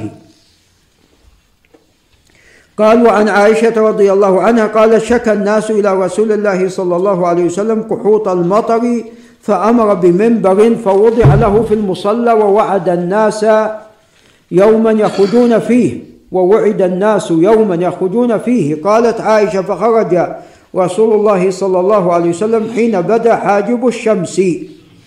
نعم فهذه الصلاة تصلى إذا ارتفع ما إذا ارتفعت ماذا؟ الشمس. قالت فقعد على المنبر وكبر صلى الله عليه وسلم وحمد الله عز وجل ثم قال إنكم شكوتم جدب دياركم واستئخار المطر عن إبان زمانه عنكم وقد أمركم الله عز وجل أن تدعوه ووعدكم أن يستجيب لكم طبعا الذي ثبت أن الخطبة قبل ماذا؟ قبل الصلاة وجاء بأنها بعد الصلاة ولكن الحديث الذي جاء في ذلك فيه نظر قال ووعدكم أن يستجيب لكم ثم قال الحمد لله رب العالمين الرحمن الرحيم مالك يوم الدين لا إله إلا الله يفعل ما يريد اللهم أنت الله لا إله إلا أنت أنت الغني ونحن الفقراء أنزل علينا الغيث ولا تجعلنا من القانطين واجعل ما أنزلته لنا قوة وبلاغا إلى حين. نعم. كل هذا في الخطبة والدعاء. وأنه استسقى ودعا وخطب قبل ماذا؟ قبل أن يصلي. قال ثم رفع يديه فلم يزل في الرفع حتى بدا بياض إبطيه. نعم. تفضل. يعني أنه بالغ عليه الصلاة والسلام حتى رؤي بياض إبطيه. نعم. وكان ظهورهما إلى ماذا؟ إلى السماء وبطونهما إلى الأرض. هكذا. ليس كما يظن بعض الناس. هكذا. هذا خطأ. كما شوهد في بعض شبكات التواصل أن الخطيب دعا وفعل ذلك. لا هذا خطأ. وإنما هو هكذا. نعم. يبالغ حتى يكون بطونهما إلى الأسفل وظهورهما إلى الأعلى. نعم. وهذا في الحالة الكرب والشدة والابتهال. نعم. أيضا يصنع ذلك. نعم. قال ثم حول إلى الناس ظهره وقلب رداء عندما خطب الناس وكذا وكذا كان مستقبلهم. ثم حول إلى الناس ظهره وقلب أو حول رداءه نعم جاء ثلاث صفات في تحويل الرداء جاء بأنه جعل اليمين على اليسار واليسار على اليمين. وجاء بأنه أراد أن يقلب الرداء يجعل الأسفل أعلى والأعلى أسفل. فثقل عليه ثقلت عليه الملحفة فعدل عن ذلك. وجاء بأنه قلبه جعل البطن إلى الظاهر والظاهر أصبح بطنا. نعم. أما أصح هذه طبعا الألفاظ هو الأول. أصحها الأول. والثالث لا يخالف ماذا؟ الأول. أنت إذا جعلت اليمين على اليسار واليسار على اليمين راح نعم قلبته. جعلت باطنه أعلاه وأعلاه أصبح ماذا؟ أصبح باطنة. وأما الرواية الثانية أو الصفة الثانية أراد أن يجعل الأسفل أعلى لعل الأستاذ ماجد ينتبه أراد أن يجعل الأسفل أعلى والأعلى أسفل هذه جاءت في رواية الدراوردي رواه أبو داود عن قتيبة عن عبد العزيز الدراوردي. وتفرد بهذا كأن تفرد كأنه تفرد بهذا. الذي يظهر والله أعلم أنه تفرد بهذا. وأكثر روايات بعضها في الصحيح أنه حول رداءه قلب رداءه. نعم. لأن لو ثبتت الأولى لو كانت رواية الدراوردي محفوظة فإذا كان لا يشك عليك تجعل ماذا؟ الأسفل أعلى والأعلى أسفل كما قال بهذا الإمام الشافعي. ولكن الروايات أكثرها وهي الأصح ما تقدم. نعم. قال ونعم فأنشأ الله قال ونزل فصلى ركعتين. نعم. فأنشأ الله سحابة فرعدت وبرقت ثم أمطرت بإذن الله فلم يأتي مسجده حتى سالت السيول. فلما رأى سرعتهم إلى الكن ضحك رسول الله صلى الله عليه وسلم حتى بدت نواجذه فقال أشهد أن الله على كل شيء قدير وأني عبد الله ورسوله. نعم صلى الله عليه وسلم. رواه أبو داود وقال هذا حديث غريب إسناده جيد. وهناك حديثان ظاهر في السنن قال عنهما إسناده جيد. نعم. قال وعن أنس بن مالك رضي الله عنه قال كان النبي صلى الله عليه وسلم لا يرفع يديه في شيء من دعائه إلا في الاستسقاء ولعل أنس يقصد المبالغة. نعم. لأن هناك عدة صفات. لعل الابن طارق ينتبه الصفة الأولى أنك تستقبل بوجهك ماذا؟ يديك تستقبل بيديك وجهك. هذا الغالب في الدعاء العادي. والصفة الثانية هي المبالغة كما تقدم. والصفة الثالثة أن تشير بإصبعك كما في التشهد يحركها يدعو بها. يشير نعم يشير أشار بإصبعه يدعو بها. أما يحركها فهذه شاذة. الرابع أنك تدعو بدون رفع نعم. والنظر إلى السماء يا شيخ ينظر إلى السماء في الدعاء. لا بأس أن ينظر للسماء هو ما جاء في الحديث ذلك. نعم لكن النظر إلى السماء هذا لا بأس. إلا في الصلاة فإنه ماذا؟ فإنه ممنوع. قال نعم. قال وعن أنس بن مالك كان النبي صلى الله عليه وسلم لا يرفع يديه في شيء من دعاء إلا في الاستسقاء وإنه يرفع يديه حتى يرى بياض إبطيه. متفق عليه واللفظ البخاري. وعنه أن رجلا دخل المسجد يوم الجمعة من باب كان نحو دار القضاء. ورسول الله صلى الله عليه وسلم قائم يخطب. هذه دار القضاء بعد أن أحدثت. فاستقبل رسول الله صلى الله فاستقبل رسول الله صلى الله عليه وسلم قائما وقال يا رسول الله هلكت الأموال. عليكم السلام. لعل الشيخ الإسلام ينتبه هلكت الأموال وانقطعت السبل. فادعوا الله أن يغيثنا. هلكت الأموال وانقطعت السبل لأن أصبحت الأرض مجدبة. فما صار الناس ينتقلون؟ فادعوا الله أن يغيثنا فرفع صلى الله عليه وسلم يديه ثم قال اللهم اغثنا اللهم اغثنا اللهم اغثنا هذا على المنبر في يوم الجمعة. قال أنس ولا والله ما نرى في السماء من سحابة ولا قزعة وما بيننا وبين سلع من بيت ولا دار. قال فطلعت من ورائه سحابة مثل الترس فلما توسطت السماء انتشرت ثم أمطرت. فلا والله ما رأينا الشمس سبتا. نعم. نسأل الله من فضله. استجاب الله عز وجل لدعاء نبيه. ثم دخل رجل من ذلك الباب في الجمعة المقبلة ورسول الله صلى الله عليه وسلم أيضا قائم يخطب. فاستقبله قائما. هل هذا الرجل هو السابق أو غيره؟ يحتمل. نعم شك الراوي. قال هو أو غيره. فقال يا رسول الله هلكت الأموال وانقطعت السبل فادعوا الله عز وجل يمسكها عنا. هلكت الأموال أي الحلال والماشية بسبب ماذا؟ كثرة المطر. و وانقطعت السبل خلاص عندما أصبحت المياه جارية وكثيرة انقطع انتقال الناس. فادعوا الله عز وجل يمسكها عنا. قال فرفع رسول الله صلى الله عليه وسلم يديه ثم قال اللهم حوالينا ولا علينا. نعم. اللهم على الآكام والضراب وبطون الأودية ومنابت الشجر. قال فأقلعت وخرجنا نمشي في الشمس بعدها السبت كامل بعدها الأسبوع كامل. قال شريك بن عبد الله بن أبي نمر فسألت أنسا أهو الرجل الأول قال لا أدري. نعم قد يكون هو وقد يكون غيره. نعم. وتلاحظون أن أنس ما قال أن الرسول عليه الصلاة والسلام جمع مع أن كان المطر ماذا؟ أسبوع غزير نعم حتى هم خشوا. قال وعن عبد الله بن زيد المازني نعم. رضي الله عنه قال خرج رسول الله صلى الله عليه وسلم إلى المصلى فاستسقى وحول رداءه. حين استقبل القبلة وصلى ركعتين. نعم.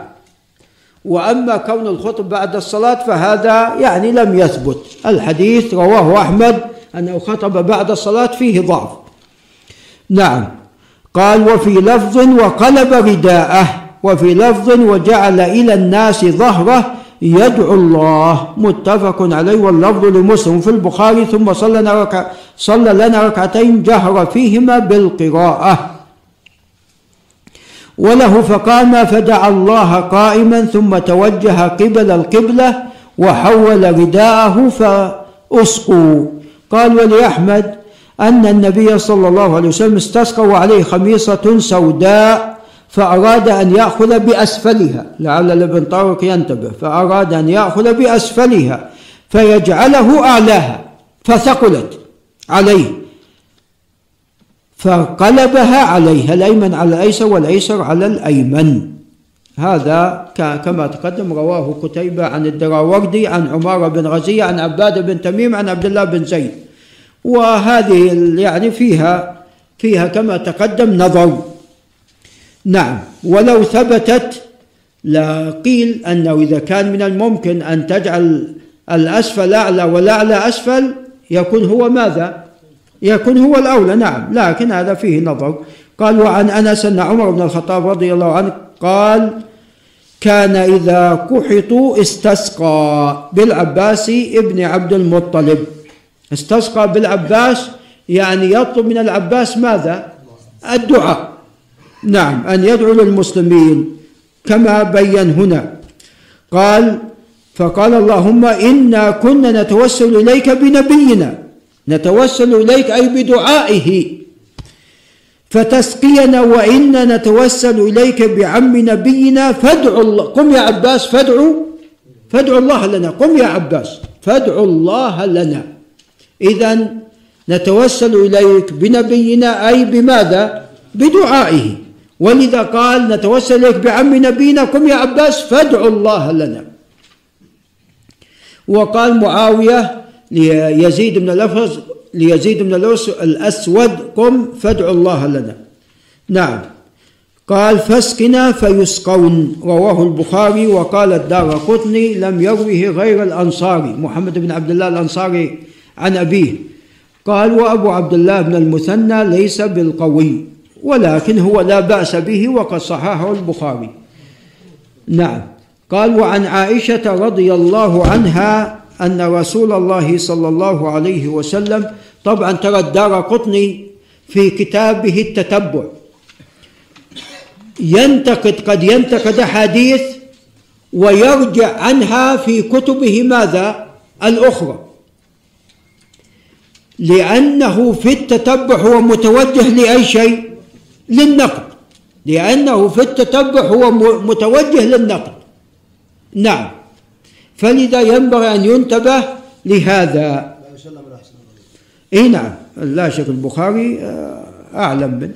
قال وعن عائشة رضي الله عنها أن الرسول صلى الله عليه وسلم كان إذا رأى المطر قال صيبا نافعا اللهم صيبا نافعا. نعم. وإذا نزل المطر يقول مطرنا بماذا؟ بفضل الله ورحمته. قال وعن أنس بن مالك رضي الله عنه قال أصابنا مع رسول نحن مع رسول الله صلى الله عليه وسلم مطر. قال فحسر رسول الله صلى الله عليه وسلم ثوبه حتى سابه المطر. كما يعني لعل أبو سليمان ينتبه إن حسر في رواية عن ظهره كشف عن ظهره عليه الصلاة والسلام. نعم. قال فقلنا يا رسول الله لما صنعت هذا؟ قال لأنه حديث عهد بربه. نعم. قال وعن عائشة بنت سعد وهذا الحديث يعني حديث باطل موضوع. ما في حاجة ماذا؟ إلى قراءته. اللهم جللنا سحابا كثيفا قصيفا دلوقا مخلوفا ضحوكا زبرجا. نعم. تمطرنا منه رذاذا قططا. سجلا يعاقا يا ذا الجلال هذا حديث موضوع. نعم. قال كتاب الجنائز باب في الموت. قال وعن أنس قال قال رسول الله صلى الله عليه وسلم لا يتمنين أحدكم الموت لضر نزل به فإن كان لا بد متمنيا فليقل اللهم أحيني ما كانت الحياة خيرا لي وتوفني إذا كانت الوفاة خيرا لي. نعم. متفق عليه. نعم فلا يجوز تمني الموت إلا في حالة عندما يكون الإنسان ماذا واثق بأي شيء؟ بعمله. ومن يثق متى يثق الإنسان بعمله؟ نعم نعم. ولكن يقول اللهم توفني ما كانت الوفاة اللهم احيني ما كانت الحياة خيرا لي وتوفني ما كانت الوفاة خيرا لي. نعم. قال وعن جابر بن عبد الله رضي الله عنهما قال قال رسول الله صلى الله عليه وسلم لا يموتن أحدكم إلا وهو يحسن بالله الظن. نعم قال بعض أهل العلم أنه عند عند عند الوفاة ينبغي تغليب جانب ماذا؟ الرجاء. لهذا الحديث. قال وعن بريدة رضي الله عنه عن النبي صلى الله عليه وسلم قال المؤمن يموت بعرق الجبين. هذا لا بأس بإسناده. نعم يعني عرق الجبين يكون على جبين عرق كثير. نعم. وهذا طبعا جاء من حديث قتادة عن عبد الله بن بريدة. وقتادة لم يثبت سماع من عبد الله بن بريدة ولكن جاء من حديث كهمس عن عبد الله بن بريدة. فهو لا بأس بإسناده. نعم. رواه النسائي وغيره. قال وعن أبي سعيد وأبي هريرة رضي الله عنهما قال قال رسول الله صلى الله عليه وسلم لقنوا موتاكم لا إله إلا الله. يعني عند عند ماذا؟ عند الموت.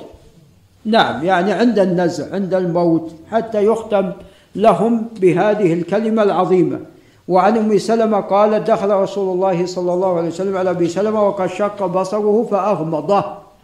ثم قال ان الروح إذا قبض تبعه البصر. يعني أنه قد مات. قال فضج ناس من أهله. فقال لا تدعوا لأنفسكم إلا بخير فإن الملائكة يؤمنون. فينبغي أن ينتبه في هذه الحالة. يؤمنون على ما تقولون وقد يستجاب إذا أمنت الملائكة. ثم قال اللهم اغفر لأبي سلمة وارفع درجته في المهديين واخلفه في عقبه في الغابرين واغفر لنا وله يا رب العالمين. وافسح له في قبره ونور له فيه. هنيئا لأبي سلمة رضي الله عنه بهذا الدعاء من سيد ولد آدم صلى الله عليه وسلم. وفي لفظ واخلفه في تركته رواه مسلم. فيقال هذا الدعاء في مثل هذه الحالة. وعن عائشة رضي الله عنها أن الرسول عليه الصلاة والسلام حين توفي سدي ببرد حبرة. حبرة أي معلم. بخطوط. نعم محبر معلم. متفق عليه. نعم.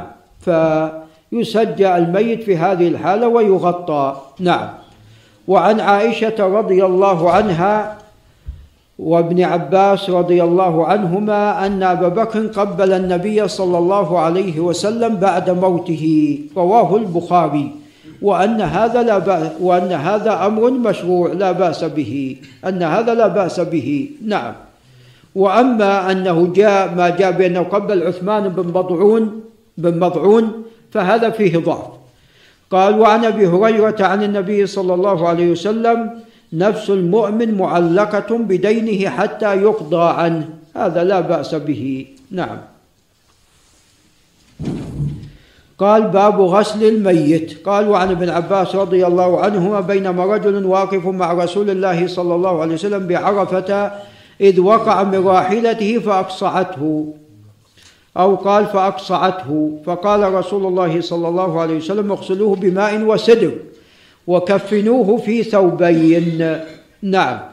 ثوبين لأنه كان لابس ماذا؟ محرم لابس إزار ورداء ولا تحنطوه ولا تخمروا رأسه لأنه أيضا محرم.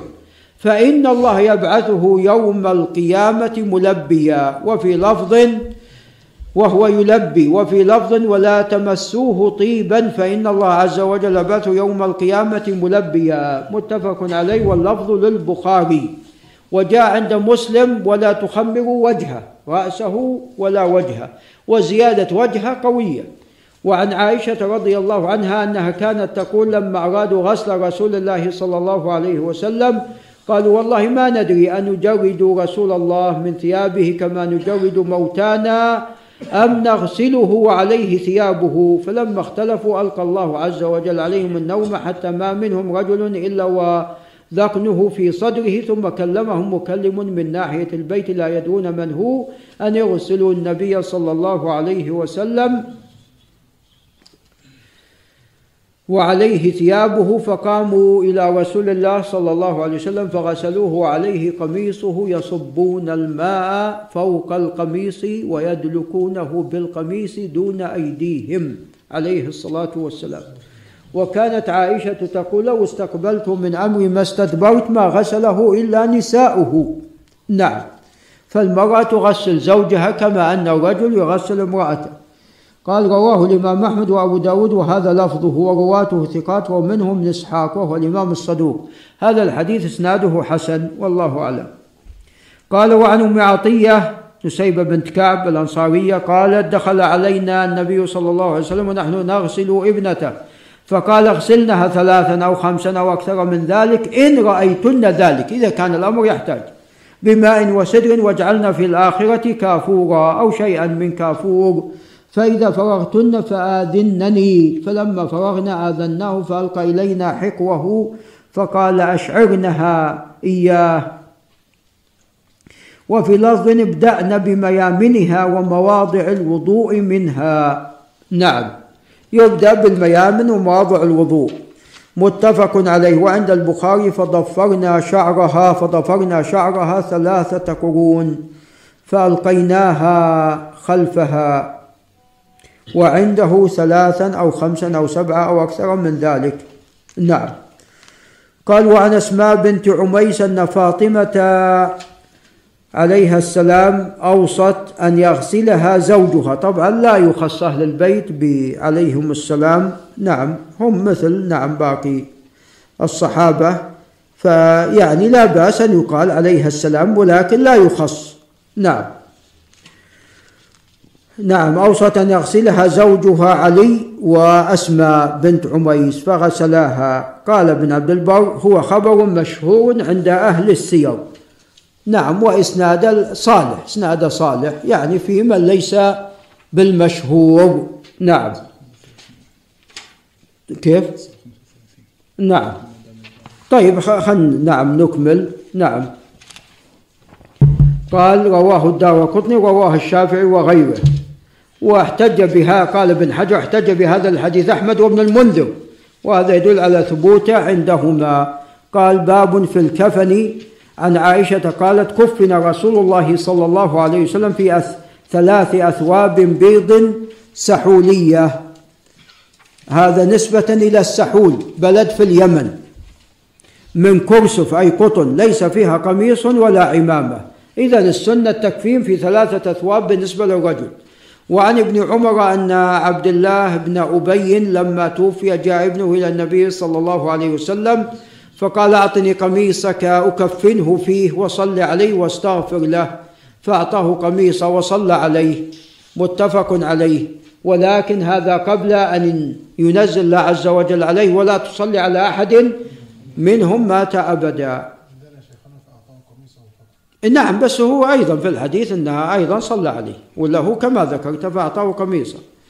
قال وعن ابن عباس رضي الله عنهما قال البسوا من ثيابكم البياض. فتقدم أن الثياب على أربعة أقسام إما مباحة وإما محرمة كالحرير للرجال وإما مكروهة وإما ماذا؟ مستحبة كما جاء في حديث ابن عباس.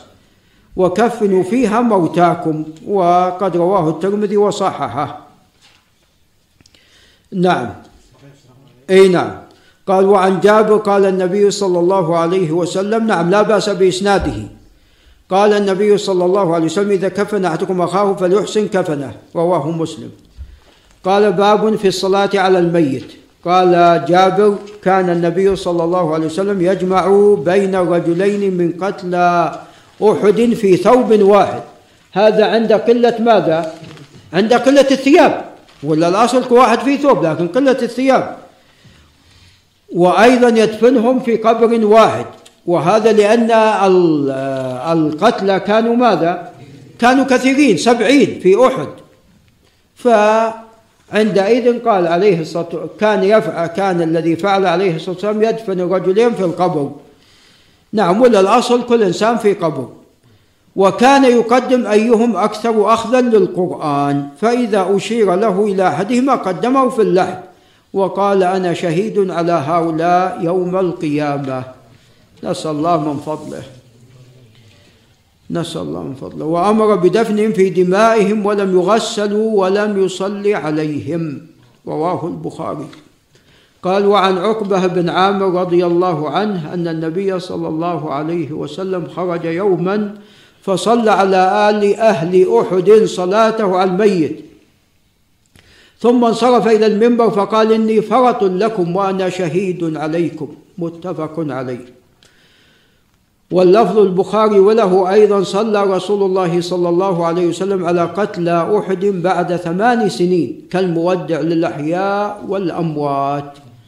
نعم. وعن جابر أن رجلا من أسلم جاء إلى النبي صلى الله عليه وسلم فاعترف بالزنا فأعرض عنه عليه الصلاة والسلام حتى شهد على نفسه أربع مرات.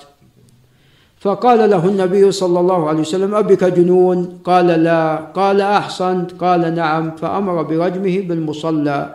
فلما أذلقته الحجارة فر فأدرك فرجم حتى مات. فقال له النبي صلى الله عليه وسلم خيرا وصلى عليه. هكذا رواه البخاري. والصواب أنه لم يصلي عليه. نعم كما في رواية الجماعة. نعم. هذا اللي رواه يونس بن جريج وحتى أيضا هذا الذي صلى هذا الذي صح عن معمر. نعم.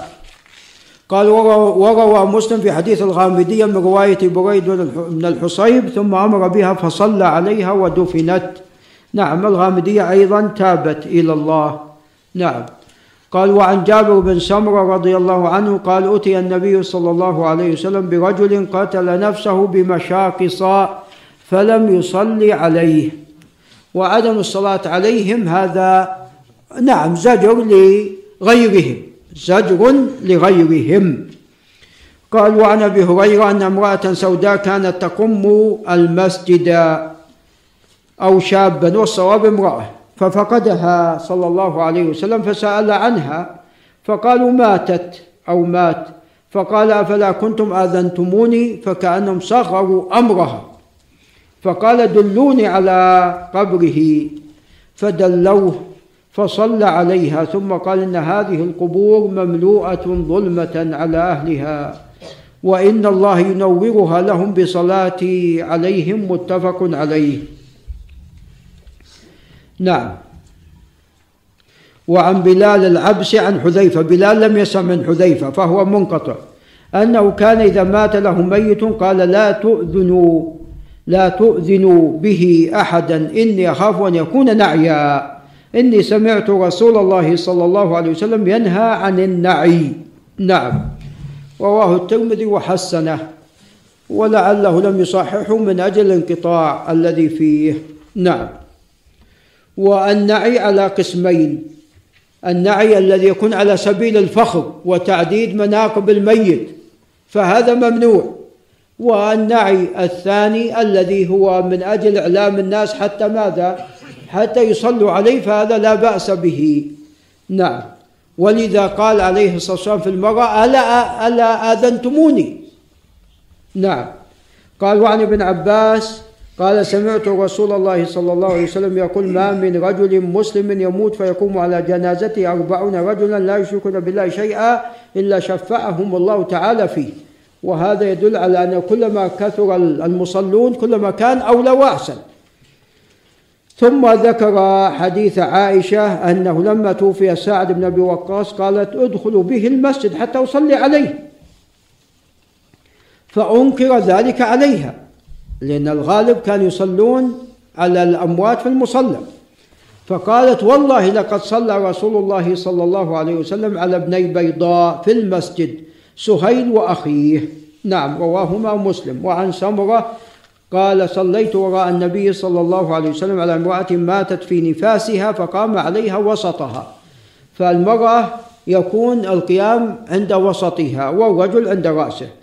قال حديث سمرة متفق عليه. وعن أبي هريرة أن الرسول صلى الله عليه وسلم نعى النجاشي في اليوم الذي مات فيه وخرج بهم إلى المصلى فصف بهم وكبر عليه أربع تكبيرات. نعم وهذا فيه الصلاة على الغائب.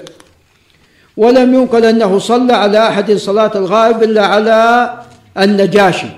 نعم وذلك لأن النجاشي والله أعلم مات بين قوم كفار. فإذا حصل لشخص مسلم ذلك فهنا يصلى عليه صلاة الغائب. وقال بعض أهل العلم يصلى على من كان لهم مكانة في الإسلام والدين. يصلى عليهم صلاة الغائب وكأن القول الأول أرجح. نعم. قال ولمسلم عن عمران بن حسين قال عليه الصلاة والسلام إن أخا لكم قد مات فقوموا فصلوا عليه يعني النجاشي. وله أي لمسلم عن عبد الرحمن بن أبي ليلى قال كان زيد يكبر على جنائزنا أربعا وأنا أكبر على جنازة خمسة. فسألته فقال كان رسول الله صلى الله عليه وسلم يكبرها. فأقل ما يكبر على الجنازة أربع وثبت كما في هذا الحديث خمس. وجاء عن الصحابة أكثر من ماذا؟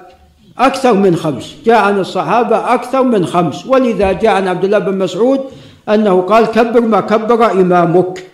قال وعن طلحة بن عبد الله بن عوف قال صليت خلف ابن عباس على جنازة فقرأ فاتحة الكتاب فقال يتعلم أنها سنة. قرأ يعني الظاهر جهر حتى يتعلم الناس السنة فتقرأ بفاتحة الكتاب فقط.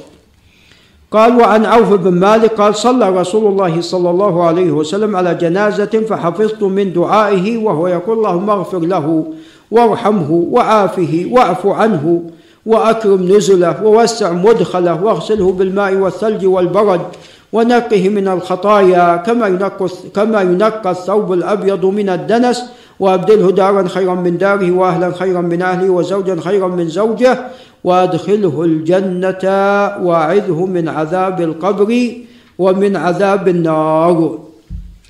قال عوف حتى تمنيت أن أكون أنا ذلك الميت.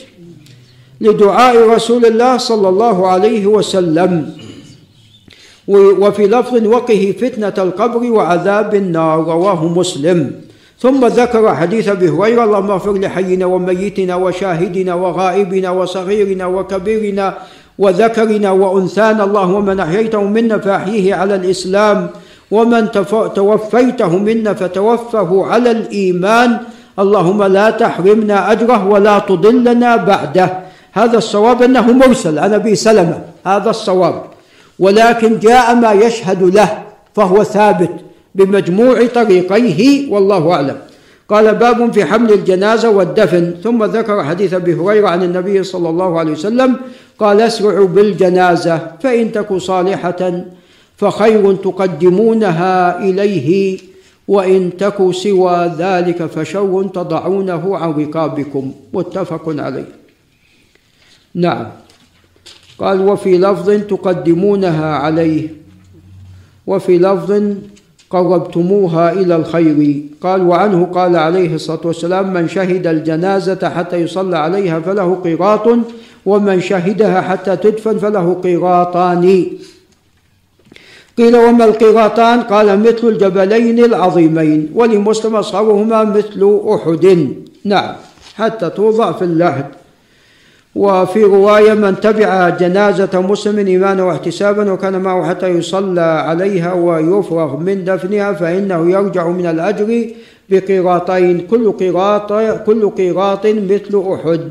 ومن صلى عليها ثم رجع قبل أن تدفن فإنه يرجع بقيراط وعن جابر بن سمرة قال أتي النبي صلى الله عليه وسلم بفرس معروى فركبه حين انصرف يعني ليس عليه سرج فركبه حين انصرف من جنازة ابن الدحداح ونحن نمشي حوله. يعني هذا يدل على أنه كان ماشيا في الأول ثم عندما تفضل ثم عندما انتهى عليه الصلاة والسلام من الدفن رجع راكبا. نعم. فالأولى في الذهاب يكون مشيا ثم في الرجوع لا بأس. ثم ذكر حديث الزهري عن سالم وهو حديث معلول. أنه رأى النبي صلى الله عليه وسلم وأبا بكر وعمر يمشون أمام الجنازة. هذا الحديث معلول والصواب أنه مرسل. هذا هو الصواب. ولذا قال الترمذي وأهل الحديث يرون أن المرسل أصح. نعم. قال وعن أبي سعيد الخدري أن الرسول صلى الله عليه وسلم قال إذا رأيتم الجنازة فقوموا. فمن تبعها فلا يجلس حتى توضع. من السنة إذا رأيت الجنازة أن تقوم. نعم. قال وقال أبو داود روى الثوري هذا الحديث عن سهيل عن أبي عن أبي هريرة قال فيه حتى توضع بالأرض. ورواه أبو معاوية عن سهيل حتى توضع في اللحد. قال وسفيان أحفظ من أبي معاوية. حتى توضع بالأرض. ما يشترط حتى أن توضع في اللحد. قال وعن علي بن أبي طالب قال قام رسول الله صلى الله عليه وسلم ثم قعد. وفي لفظ قام فقمنا وقعد فقعدنا. يعني إن الأمر بالتخيير لكن الأفضل ماذا؟ القيام. قال وروى أحمد بإسناد غير قوي عن علي ما فعلها رسول الله صلى الله عليه وسلم قط غير مرة برجل من اليهود وكانوا أهل كتاب. وكان يتشبه بهم فإذا نهي انتهى فما عاد لها بعد. هذا غير صحيح كما قال المصنف. قال وعن شعبة عن أبي إسحاق السبيعي قال أوصى الحارث الهمداني حارث بن عبد الله أن يصلي عليه عبد الله بن يزيد الخطمي الأنصاري فصلى عليه ثم أدخله القبر من قبل رجلي القبر. تدخل الجنازة من قبل رجلي القبر. وقال هذا من السنة. قال البيهق رواه داود قال البيهقي هذا إسناد صحيح وقد قال من السنة فصار كالمسند قال ورواه سعيد أي بن منصور وزاد ثم قال انشطوا الثوب فإنما يصنع هذا بالنساء أي غطيت بالثوب فقال ارفعوه قال وعن همام عن قتادة عن أبي الصديق الناجي عن ابن عمر أن النبي صلى الله عليه وسلم قال إذا وضعتم موتاكم في القبور فقولوا بسم الله وعلى ملة رسول الله وفي لفظ على سنة وعلى سنة رسول الله. هذا الصواب أنه موقوف وليس بمرفوع. ولذا قال الدار قطني في الموقوف هو المحفوظ. قال وعن عامر بن سعد بن أبي وقاص أن سعدا قال في مرضه الذي هلك فيه إلحدوا لي لحدا وانصبوا علي اللبن نصبا. كما صنع برسول الله صلى الله عليه وسلم رواه أحمد ومسلم. نعم قال وعن معمر عن ثابت عن أنس قال قال رسول الله صلى الله عليه وسلم لا إسعاد في الإسلام. الإسعاد هو أن تأتي المرأة وتنوح مع تبكي مع أهل الميت تسعدهم بذلك وهذا ممنوع في الإسلام. ولا شغار أي نكاح الشغار ولا عقر في الإسلام أي يعقر عند القبر فهذا ممنوع أيضا. ولا جلب في الإسلام والجلب فسر بأمرين فسر بالجلب بالصوت حتى يضرب على الفرس حتى يسرع وفسر بأنه تجلب الماشية إلى المصدق حتى يأخذ منها الصدقة فلا تجلب له وإنما هو يأتي للناس في ماذا؟ في أماكنهم وعند مياههم. قال ولا جنب. كان في السباق أحيانا يجلب معه المتسابق فرس فإذا تعب فرسه الأول تحول إلى ماذا؟ إلى الثاني. قال ومن انتهب فليس منا. نعم هذا الحديث لا يصح. قال أبو حاتم هذا حديث منكر جدا وروايه معمر عن ثابت قد تكلم فيها. نعم. وعن سعد بن سعيد عن عمرو عن عائشة رضي الله عنها أن الرسول صلى الله عليه وسلم قال كسر عظم الميت ككسره حيا. هذا كما قال الإمام البخاري أن الأكثر وقفة. قال وغير المرفوع أكثر. نعم. أي أنه موقوف على عائشة. نعم. ولكن عموم النصوص دلت على أن للمؤمن حرمة وبالتالي لا يجوز كسر عظمه أو نبش قبره أو الوطأ على قبره. نعم. وسوف يأتينا صاحب السبتيتين.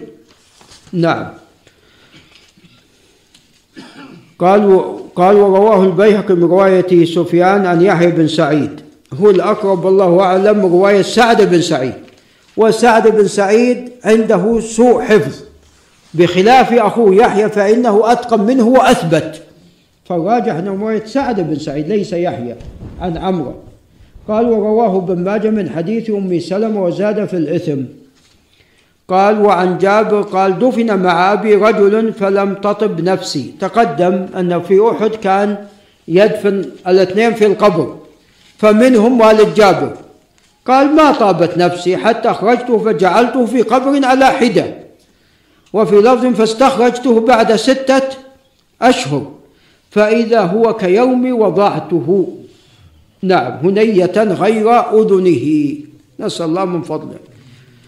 رواه البخاري وفي رواية لأبي داود فما أنكرت منه شيئا إلا شعيرات كن في لحيته مما يلي الأرض. وعن القاسم قال دخلت على عائشة القاسم بن محمد بن أبي بكر وعائشة عمته. قال دخلت على عائشة رضي الله عنها فقلت يا أمة اكشفي لي عن قبر النبي صلى الله عليه وسلم وصاحبيه فكشفت لي عن ثلاثة قبور. لا مشرفة ولا لاطئة. هنا أكشف لي عن قبر رسول الله صلى الله عليه وسلم وصاحبيه. هي مغطاة ولا ماذا؟ والله الذي يبدو نعم يعني أما في مغلقة ولا في ستارة. فقال اكشف لي أبى أشوف هذا ليست ليست مغطاة. نعم. قال فكشفت لي عن ثلاثة قبور لا مشرفة ولا لاطئة. نعم لا يجوز رفع القبر ولا يجوز تسوية ماذا؟ بالأرض مبطوحة ببطحاء العرصة الحمراء. رواه داود والبيهقي والحاكم بزيادة. فرأيت النبي صلى الله عليه وسلم مقدما وأبو بكر رأسه بين كتفي النبي صلى الله عليه وسلم وعمر رأسه عند رجلي النبي صلى الله عليه وسلم. قال الحاكم هذا حديث صحيح الإسناد ولم يخرجاه قال البيهقي وحديث القاسم بن محمد في هذا الباب أصح وأولى أن يكون محفوظا أي الذي سمعناه. قال وعن جابر رضي الله عنه نهى رسول الله صلى الله عليه وسلم أن يجصص القبر وأن يقعد عليه وأن يبنى عليه. كل هذه ممنوعة وأن يكتب أيضا عليه. قال الحاكم هذه الأسانيد صحيحة وليس العمل عليها بل كلام الحاكم هو ماذا؟ نعم هو الذي خطأ. قال وليس العمل عليها فإن أئمة المسلمين من المشرق من الشرق إلى الغرب مكتوب على قبورهم أي هذا قبر فلان وهذا قبر فلان وهو عمل أخذه الخلف عن السلف. نعم قال الحافظ قال عفوا أبو عبد الله الذهبي رادا على الحاكم قال ما قلت طائلا ولا نعلم صحابيا فعل ذلك وإنما هو شيء أحدثه بعض التابعين فمن بعدهم. نعم. وخير الهدي هدي من؟ هدي رسول الله صلى الله عليه وسلم. فما أمر ال... الذين دفنوا في حال حياته ما أمر عليه الصلاة والسلام بالكتابة على قبورهم بل نهى والصحابة ما كتبوا على قبر رسول الله ولا على قبورهم الأخرى. فتبين أن كلام الحاكم ليس بشيء. قال وعن الأسود بن شيبان عن خالد بن سمير عن بشير بن نهيك عن بشير مولى رسول الله صلى الله عليه وسلم وكان اسمه في الجاهلية زحم بن معبد. فهاجر إلى رسول الله صلى الله عليه وسلم قال ما اسمك؟ ما اسمك؟ قال زحم. قال بل أنت بشير. قال فبينما أنا أماشي. هذا فيه تغيير الاسم إلى الاسم الجميل. بشير من البشارة. وهذا فيه استحباب اسم بشير. نعم.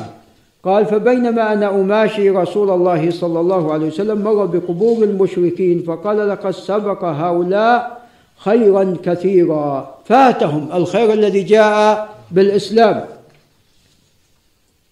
ثلاثا. ثم مر بقبور المسلمين فقال لقد أدرك هؤلاء خيرا كثيرا.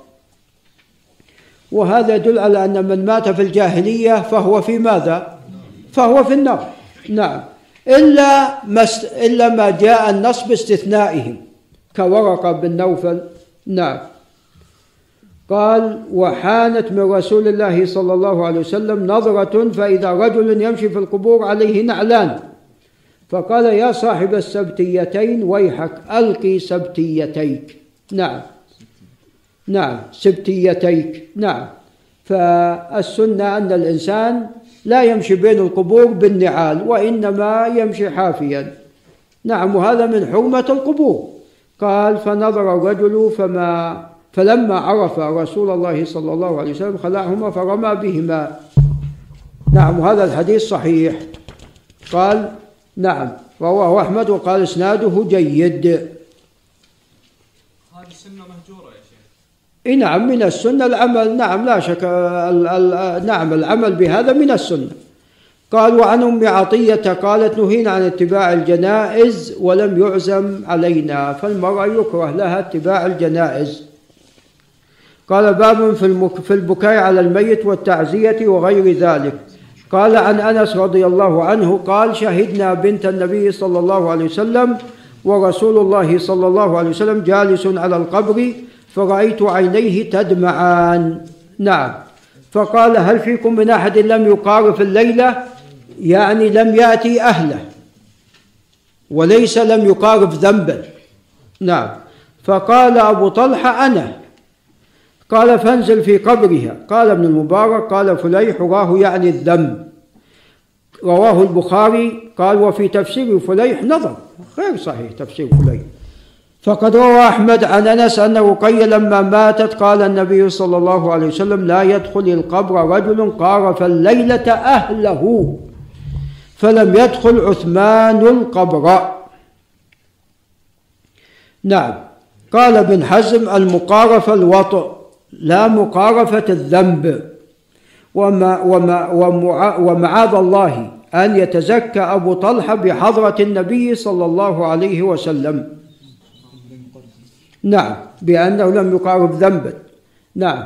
قال وعن أنس رضي الله عنه قال رسول الله صلى الله عليه وسلم أخذ راية زيد فأصيب ثم أخذها جعفر فأصيب ثم أخذها عبد الله بن رواحة فأصيب. وإن عيني رسول الله صلى الله عليه وسلم لتذرفان وهذا فيه البكاء على الميت. ثم أخذها خالد بن الوليد من غير إمرة ففتح له رواه البخاري. وعن ابن مسعود رضي الله عنه قال قال رسول الله صلى الله عليه وسلم ليس منا من ضرب الخدود وشق الجيوب ودعا بدعوى الجاهلية. كل هذا ممنوع وهذا من فعل أهل الجاهلية. ضرب الخدود وشق الجيوب ورفع الصوت بالبكاء بالنياحة. قال وعن أبي مالك الأشعري رضي الله عنه أن النبي صلى الله عليه وسلم قال أربع في امتي من أمر الجاهلية لا يتركونهن الفخر بالأحساب والطعن في الأنساب. وهذا واقع اليوم إلا إلا من رحم الله. والاستسقاء بالنجوم وهو نسبة المطر إلى النجوم. والنياحة على الميت فهذه الأربع كلها ممنوعة. وقال النائحة إذا لم تتب قبل موتها تقام يوم القيامة عليها سربال من قطران ودرع من جرب. نعوذ بالله من ذلك. قال وعن عبد الله بن جعفر رضي الله عنهما لما جاء نعي جعفر حين قتل قال النبي صلى الله عليه وسلم اصنعوا لآل جعفر طعاما فقد أتاهم ما يشغلهم. نعم. هذا الحديث لا بأس بإسناده وفيه أنه يصنع لأهل الميت لأنه جاء ما ينشغلون به عن طعامهم. فناسب أن يصنع جيرانهم لهم طعاما. قال وعن ربيع بن سيف المعافري عن أبي عبد الرحمن الحبلي عن عبد الله بن عمرو. قال بينما نحن نسير مع رسول الله صلى الله عليه وسلم إذ بصر بامرأة لا تظن. نعم. أنه عرفها. فلما توسط الطريق وقف حتى انتهت إليه فإذا فاطمة بنت رسول الله. قال لها من أخرجك من بيتك يا فاطمة؟ قالت أتيت أهلها أهل هذا الميت فترحمت إليهم وعزيتهم بميتهم. قال لعلك بلغت معهم الكدى قالت معاذ الله أن أكون بلغتها قد سمعتك تذكر في ذلك ما تذكر. فقال لها لو بلغتها معهم ما رأيت الجنة حتى يراها جد أبيك لأن جد أبيها عليه الصلاة والسلام وهو عبد المطلب. قد مات على ماذا؟ على الشرك. نعم. قال رواه داود والنساء أحمد وداود والنسائي وابن حبان والحاكم. وقال على شرط الشيخين قال وليس كما قال فإن ربيعة لم يخرج له صاحب الصحيحين شيئا بل هذا حديث منكر. وربيعة قال البخاري عنده مناكير. فهذا الحديث لا يثبت بل هو حديث